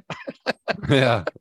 Så jeg gir den, jeg, ga den, Knut har jeg, jeg gir den en kruttsterk firer. Ja, Kruttsterk firer. Kruttsterk, ja. Ja, jeg syns den er oppe og snuser på femmeren. Den er jo kanskje ikke helt der oppe. Sid trekker jo en, karakter Drastisk ned. mer Den- hver den for karakteren må dø. Den karakteren må dø snart. Ja, den, Eh, meg å sier, men den, den, den bringer jo ingenting eh, koselig med seg lenger. Det kom ikke engang å hjelpe, hjelpe dem bort fra planeten, liksom. Nei, så hvor, Ja. hvor, hvorfor i all verden Ja. skal det la det der liksom henge igjen i serien? Eh, Med mindre hun viser seg fram på slutten her, da. Jeg har ikke sett episode 15 og 16, om de da dukker Nei. opp på slutten. For det skal være min neste spørsmål før Simon eh, skal Altså Simon først nå, men jeg skal spørre Knut etterpå eh, om du har lyst til å gi oss noen, ikke spoilere, men noen, hint om episode 12, 13, 14, for dem har jo du sett. Men Simon først, eh, hvilke terningkast tror du at du kommer til å gi episode 11? Ok, rett og slett Hvis det har med The Zillow Beast, Ja. eh, Det har den. så er forhåpningene mine terningkast fem. Ja, det er kult. Bra, bra sagt. Det er en bra episode, så gled deg til det. Du kan glede deg er bare forhåpningene mine. Ja. Ja, ja, ja, ja, ja. Eh, Knut Løksen, episode 12, 13 og 14. er- Har vi noe å glede oss til? Ja, og litt nei. Men Det er Bra, ærlig. Ja, det er spesielt, det er én episode Nå er det jo veldig lenge Dette her så jeg i desember, eh, så det Ja. er lenge siden jeg har sett disse episodene. Så har jeg sett dem på nytt før podkastene. Mm. Eh, så nå jeg skal jeg rewatche de eh, på nytt Ja. eh, Så jeg husker ikke helt rekkefølgen. Nei. Det er noe fillerish eh, opplegg fortsatt. Ja. Eh, Som jeg syns er litt rart når de begynner å nærme seg så slutten av sesongen. Men så er det også noen ting som Nå skal jeg jo ikke spoile noe, men, men, men um, som har den helt riktige atmosfæren og stemningen og bygger seg opp til det Eh, så- eller som går i riktig retning i forhold til hva jeg tror kommer til å bli et meget bra klimaks i episode 15 og 16. Så det er Og eh, ja, Crosshair som Det sa jeg forrige gang, det går for lang tid mellom hver gang vi får møte han, men han Ja. kommer jo tilbake, og det er en kanonepisode når han Ja. kommer tilbake. Jeg kan jo si én ting, eh, gutter, og det er jo at eh, jeg synes egentlig at Bad Batch har fått et litt sånn dårlig rykte i Star Wars-verdenen, av den enkle grunn av at um, nok en gang så bruker han denne John Campia, han YouTube-mannen som eksempel. Han, han, han, han, han får nesten litt sånn blod på tann. Og Bad Batch, eh, I'm not even gonna watch it. Liksom, det er blitt sånn tredd, altså Han gir ikke en sjanse engang. Og det mener jeg så klart er helt feil innstilling, for som Lars så fint sa, altså, man må iallfall se alt. Som Lucasfilm gjør minst én gang, og det gjør jeg også. Ja, Um, eller det er ikke helt sånn, jeg ramla faktisk av på dere, hva det er, Star Wars um, ja det er Resistance, ja. Resistance. Jeg, jeg, der ramla dessverre av. Jeg har ennå ikke sett det. det. Ja, det, jeg, jeg, jeg, jeg, må, jeg må ta meg sammen, for at jeg, jeg må være en mann av mitt ord. Men den har jeg ikke sett for ennå. Poenget mitt er at det er noen gullkorn, um, og noen skikkelige gullkorn av og til i Bad Batch, både sesong 1 og sesong 2. Så at, at en profesjonell film-TV-serieanmelder på YouTube skal si at han ikke gidder å engang å se det, det føler jeg blir sånn nesten provoserende. For da, da kan du heller ikke uttale om det. Og det er jo en måte ignorance. uh, Nei, det er, så, så lenge det er viktige ting å plukke ut fra denne sesongen, og det er det jo Ja. absolutt. Det er jo ting som Absolutt, skjer her i kanoen i egentlig flere episoder. Ja, ja, ja. Men, ja. eh, men det er fort gjort hvis man liksom bare streifer forbi det og ser noen av de filler-episodene, så får du et dårlig inntrykk av det, og da gidder du ikke å se mer. Ja. Eh, og derfor jeg synes også at Disney bør korte ned sesongen og heller bare skippe de episodene der. Og, Eller så får de gjøre Unnskyld, arbeidet, men ellers så får de gjøre det som man har gjort med Clone Wars, så populært at man eh, h- lager sånne pakkeløsninger på Disney Pluss hvor man ikke trenger å se alle Clone Wars-episodene, men, mm. men hvis man skal se alle Clone Wars-episoder som handler om uh, den personen Men problemet her, Ja, problemet, eksempel, her, problemet her er at det, stort sett det vi kaller fillers-episoder denne sesongen, her, er jo de episodene med Bad Batch, og serien heter The Bad Batch. Ja. Det virker som de liksom ikke har hatt en plan. Altså, at Hvis noen da har tenkt ok, vi burde gjøre det litt kortere, men ok, men da er jo ikke The Bad Batch med. For da Det, det, blir jo det samme som eh, Book of Boba Fett eh, og eh, Andor og sånn, det. At de liksom typ hovedpersonene er ikke Ja. med i de beste episodene. For eksempel The Bad Batch og Andor kunne jo begge deler hett The Dark Times. For det er jo det Obi-Wan kaller for i episode fire. Altså at, at eh, this, this is the dark times, liksom. Ja, det, eller Så- the, the, the Rebellion is born, eller et, altså, Ja, ja, et eller annet som er, for det er jo, det er jo virkelig fødestunden Spark til of the Rebellion. Of Ja. Gjennom Cassins øyne, da. Men kunne jeg syns jo han. Han er veldig smart skrevet inn da, i den uh, Det er Ja. kanskje ikke Lars enig i, men Men det, det Nei, respekterer vi, Lars. at, Ja. ja, jeg tenker jo at det, det hadde vært eh, Jeg hadde Jeg blei litt sjokkert når, det, når de valgte han fra Rogue One. Ja. ja, det er sant. Jeg, ble, jeg, jeg skjønte ikke helt det. Nei, det skjønte Nei, faktisk men ikke jeg heller, men jeg, jeg syns, de, jeg syns eh, de leverte på alle punkter, og jeg syns hans historie ble veldig bra etter hvert utover den sesongen. Og moren hans og, og hele den derre greia med hva som er viktig. Eh, eller Ja. faktisk det, det, det poenget med at han er liksom et utskudd som gjør mye gærent, men de egenskapene hans kan vippe situasjonen til The Rebellion i riktig retning. Så det er en plass for alle, den moralen der, og spesielt den talen i siste episode Ja. mellom eh, en av de gutta på Furrix. Eh, den dialogen mellom Cassian og han, jeg husker ikke hva han store bamsen heter for noe. Men den, sant, det, det, var jo, det var jo glimrende manus, og, og det drev jo liksom eh, hele karakteren til Cassian inn, i en, inn, Ja. inn i The Rebellion da, på en veldig kul måte. Likevel så må jeg støtte Lars litt, for at eh, det er en replikk han uh, Cassian har i Rogue One. I'm paraphrasing, han sier I've been fighting in this war since I was 12. Han sier noe sånne ting. Jeg husker jeg satt i kinosalen og bare Yeah, I don't believe you. Altså, jeg, jeg følte ikke at han var en sånn hadde, Han hadde ikke nok sånn stamina som skuespiller til å drive filmen. Så når jeg fikk høre at han skulle få en TV-serie, tenkte jeg bare wow. Han var jo egentlig en av de minst interessante karakterene i Rogue One, synes jeg, da. Men, så jeg støtter Lars faktisk på, på akkurat det. Så at, eh, kunne jeg heller hett for The Spark of the Rebellion, denne serien. Det- Ja, men, Men, folk, eh, liker, folk liker liksom å Å følge en karakter, ja. følge Ja. en karakter og feste seg på noe, og, og det er en dritbra dramaserie. Uh, Ja. altså, du trenger ikke å være Star Wars-fan for å like Cassian Andor, egentlig. Det er jo litt sånn som, eh, som Lars Undle sier, at han, som en Star Wars-TV-serie så er det ikke hans bag, liksom, men som en vanlig TV-serie så er det jo veldig bra Ja. skrevet, ikke sant? Så, ja. og jeg skjønner hvorfor de velger det. Jeg hadde faktisk notert meg en liten sitat her. Eh, Vi lever i en Pedro Pedro Pascalasanse for tida. For han er jo både i One of Us og i Mandalorian. Han er liksom sånn Alt er One Pedro pa pa Pascalasanse. Og han Andor-skuespilleren er jo også litt sånn i, i vinden for tida, så eh, me me eh, Meksikanske, eller søramerikanske skuespillere er veldig i vinden for tida. Diego Luna. Diego Luna, takk. Ja. Så det er litt sånn Pedro Pascalasanse. Men gutter, vi klarte oss nesten eh, Jo, vi klarte oss eh, under tre timer.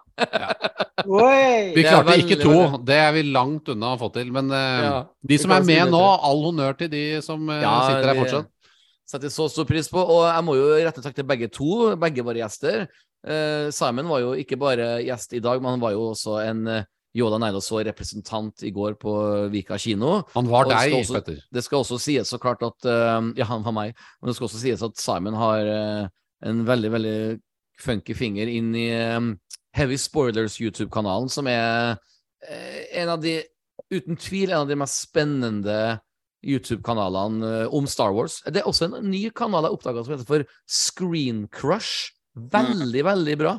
Det er en fyr som liksom har på seg en blå eh, skjorte, så det ser ut som han jobber i en videoutleiebutikk, liksom, og så prater han Binary. ja, og han er veldig flink. For eksempel, han elska eh, Bad Batch episode 10, den som Knut sa var litt kjedelig. Han bare This is like mixes everything together, it's amazing! Han han er veldig overentusiastisk, men jeg liker det. smitter litt av, da. Ja, Så til alle våre lyttere, sjekk ut Screen Crush, men ikke minst eh, Heavy Spoilers. Eh, Lars, Lars, har du noe du vil plugge?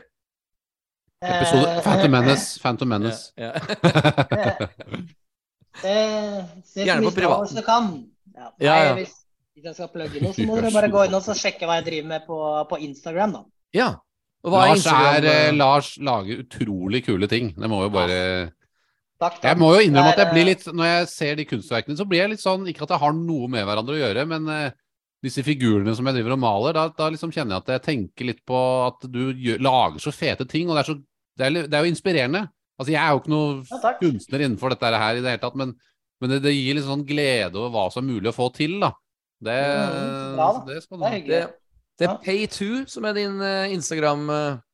Alfakrøll PAY, og så et totall. Ja, PAY totall. Det er altså på Instagram, folkens. Simon, har du noe eh, Instagram du vil dele? Ja, ikke akkurat eh, eh, Instagram, men vi kan jo takke Disney for at uh, Ja. vi ble invitert til uh, Vika kino. Mhm. Det kan vi gjøre. Ja, vi må, vi må sjekke ut den hashtagen. Var det Mandalorian? Hashtag The Mandalorian, og så NO bak med stor N. Med, med var det The foran? Altså The Mandalorian? The Mandalorian, hashtag The Mandalorian, og så NO med stor N. Da skal jeg sjekke ut det. Det må dere lyttere også sjekke ut. NO, ja. Spennende. Eh, En gang til. Hashtag The Mandalorian. NO og stor N på NO. Alt i ett.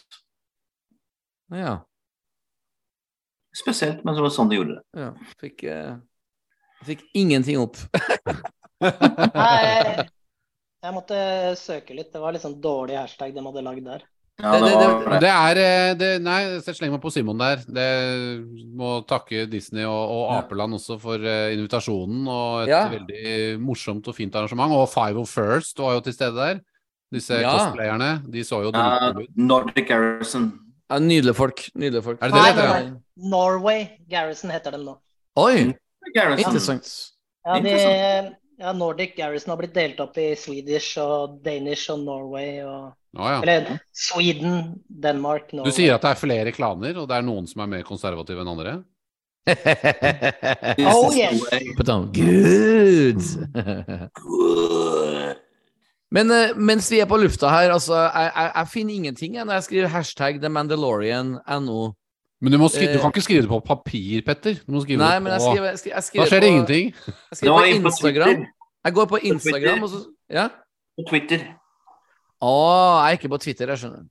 Jeg, jeg, prøv, jeg prøvde å skrive det på um, det, Instagram, men det kom det ingen er det stor T? Jeg fant det i stad, skjønner du. På Instagram? Ja. Ja. Wow. Mhm. Prøv en gang til. Ja, The Mandalorian På, på Twitter så har Ja, ja. filmmagasinene lagt ut. Og Det da er det stor T på det, og stor M på Mandalorian. Vi kan jo også samtidig plugge Filmmagasinet sin nye podkast. En kjempefin podkast hvor de inviterer folk eh, i sitt studio. Og Knut Løksten, altså vår kjære Jodan Jodda Neidason-mann, var gjest forrige uke. Og du gjorde en superb eh, utgave av deg sjøl. Jeg gjorde det for oss.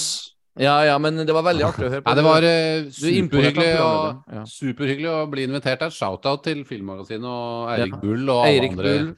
Ja. Alle involverte der. Det var en veldig bra podkast og ja. veldig interessant. De hadde også med en gjest, en journalist fra NRK som eh, Ja. heter Carl August, hva det han het. Han, han kjente faktisk ikke Jean Erik fra før av. Han er vikar på NRK. Ja. Ah, akkurat.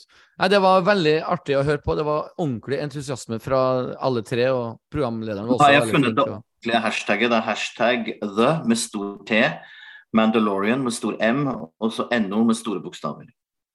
Ok. Og Instagram. Ja, det er på sosiale medier iallfall. Men hashtag er jo gjerne Twitter. ja, det er jo Jeg, som regel det. jeg, jeg følger ikke Twitter. Jeg bare, Jeg, jeg får ingenting opp på Instagram i alle fall, når jeg skriver det der. Så da, da vet våre lyttere. Nå- nå er-. Ja. Ja.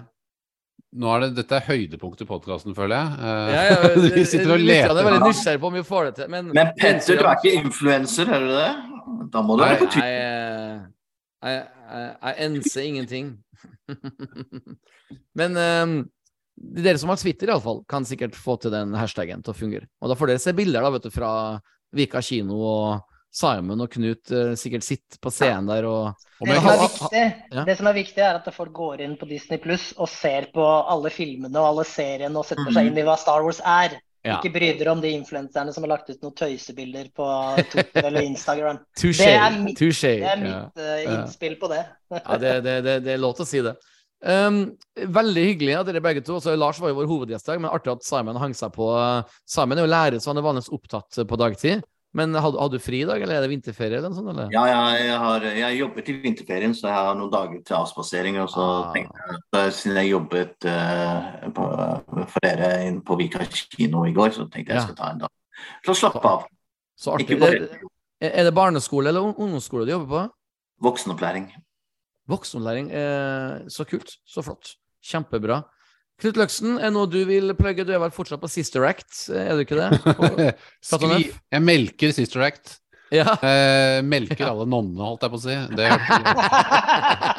Nei, men jeg har hørt veldig ja. mye bra om Ja, jeg er fortsatt, Er, er fortsatt like bra. med der? Hva sa du? Er Sissy med på den?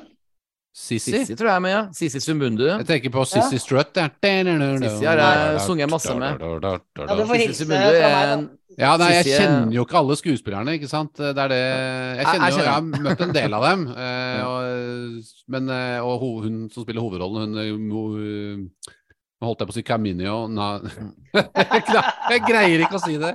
Caminoan. Caminoan. Det er enklere enn jeg tror. Jeg tror det er sånn Caminoan. Ja. Det klarer liksom ikke er kjempeflott, hun som har hovedrollen, iallfall. Kjempeflott dame. Og Nei, altså, jeg plugger eh, det, altså det, Ja, Sister Act, det, det går veldig bra. Vi skal, vi skal spille de siste forestillingene nå den, eh, i kveld og fredag og lørdag. Og så skal Oi. vi til Kristiansand en tur Oi! og spille. Bibelbelte med, Med nonner. Ja, men dere skal til bibelbelte med nonner. Det er veldig, Ja, veldig bra. det høres jo riktig ut. Ja, Nei, Så artig. Vi klarte oss under tre timer, gutta. Tusen hjertelig takk for innsatsen. Jeg setter veldig stor pris på dere alle tre. Det er så artig å høre innspill. Og nå har jeg lært, meg litt mer om Finland også. Det er veldig, veldig bra. Hey. Og jeg, Wars jeg har lyst til å begynne avslutningssitatet. Ja! Og Eller ja. kan jeg ehm, eh, unnskyld, før, før du begynner, Knut. Nå skal altså Lars og Simon eh, planlegge et uh, Star Wars-sitat dere kan avslutte med. Men Knut starter, vær så god. Bad baby. Å, artig. Da er det min tur. Og jeg skal så klart ha en, eh, en annen type sitat, som er også eh, Hva skal man si eh, morsomt. Og det er jo så klart eh, With you, the force maybe. Jeg tror det aldri blir sagt. Ja. Det har blitt sagt nå. Det blir sagt noe. Ok, Simon, var uventede gjest i dag, men absolutt hyggelig. Eh, Jeg kan ta det sitatet jeg tok eh, på Vika kino i går. Ja. Ja, Bra. ja, skal vi ta den? ja. Uh, og så var det en Nå er vi Å slappe ja, den, ja. ah, Den, ja. Nei.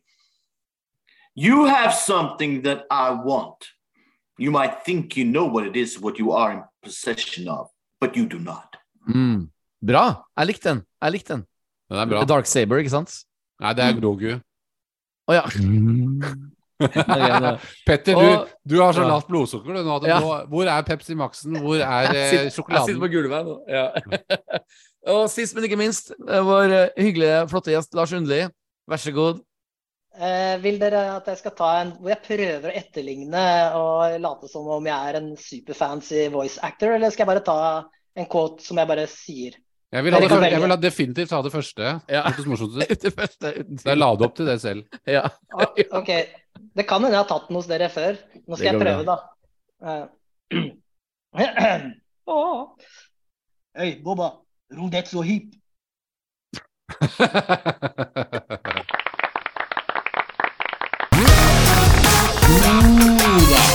Neida.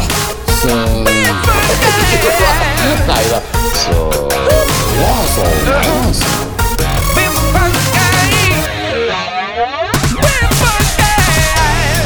Jo da. Nei da. Så Jo da. Neida. Så Jo da. Nei da. Jo da.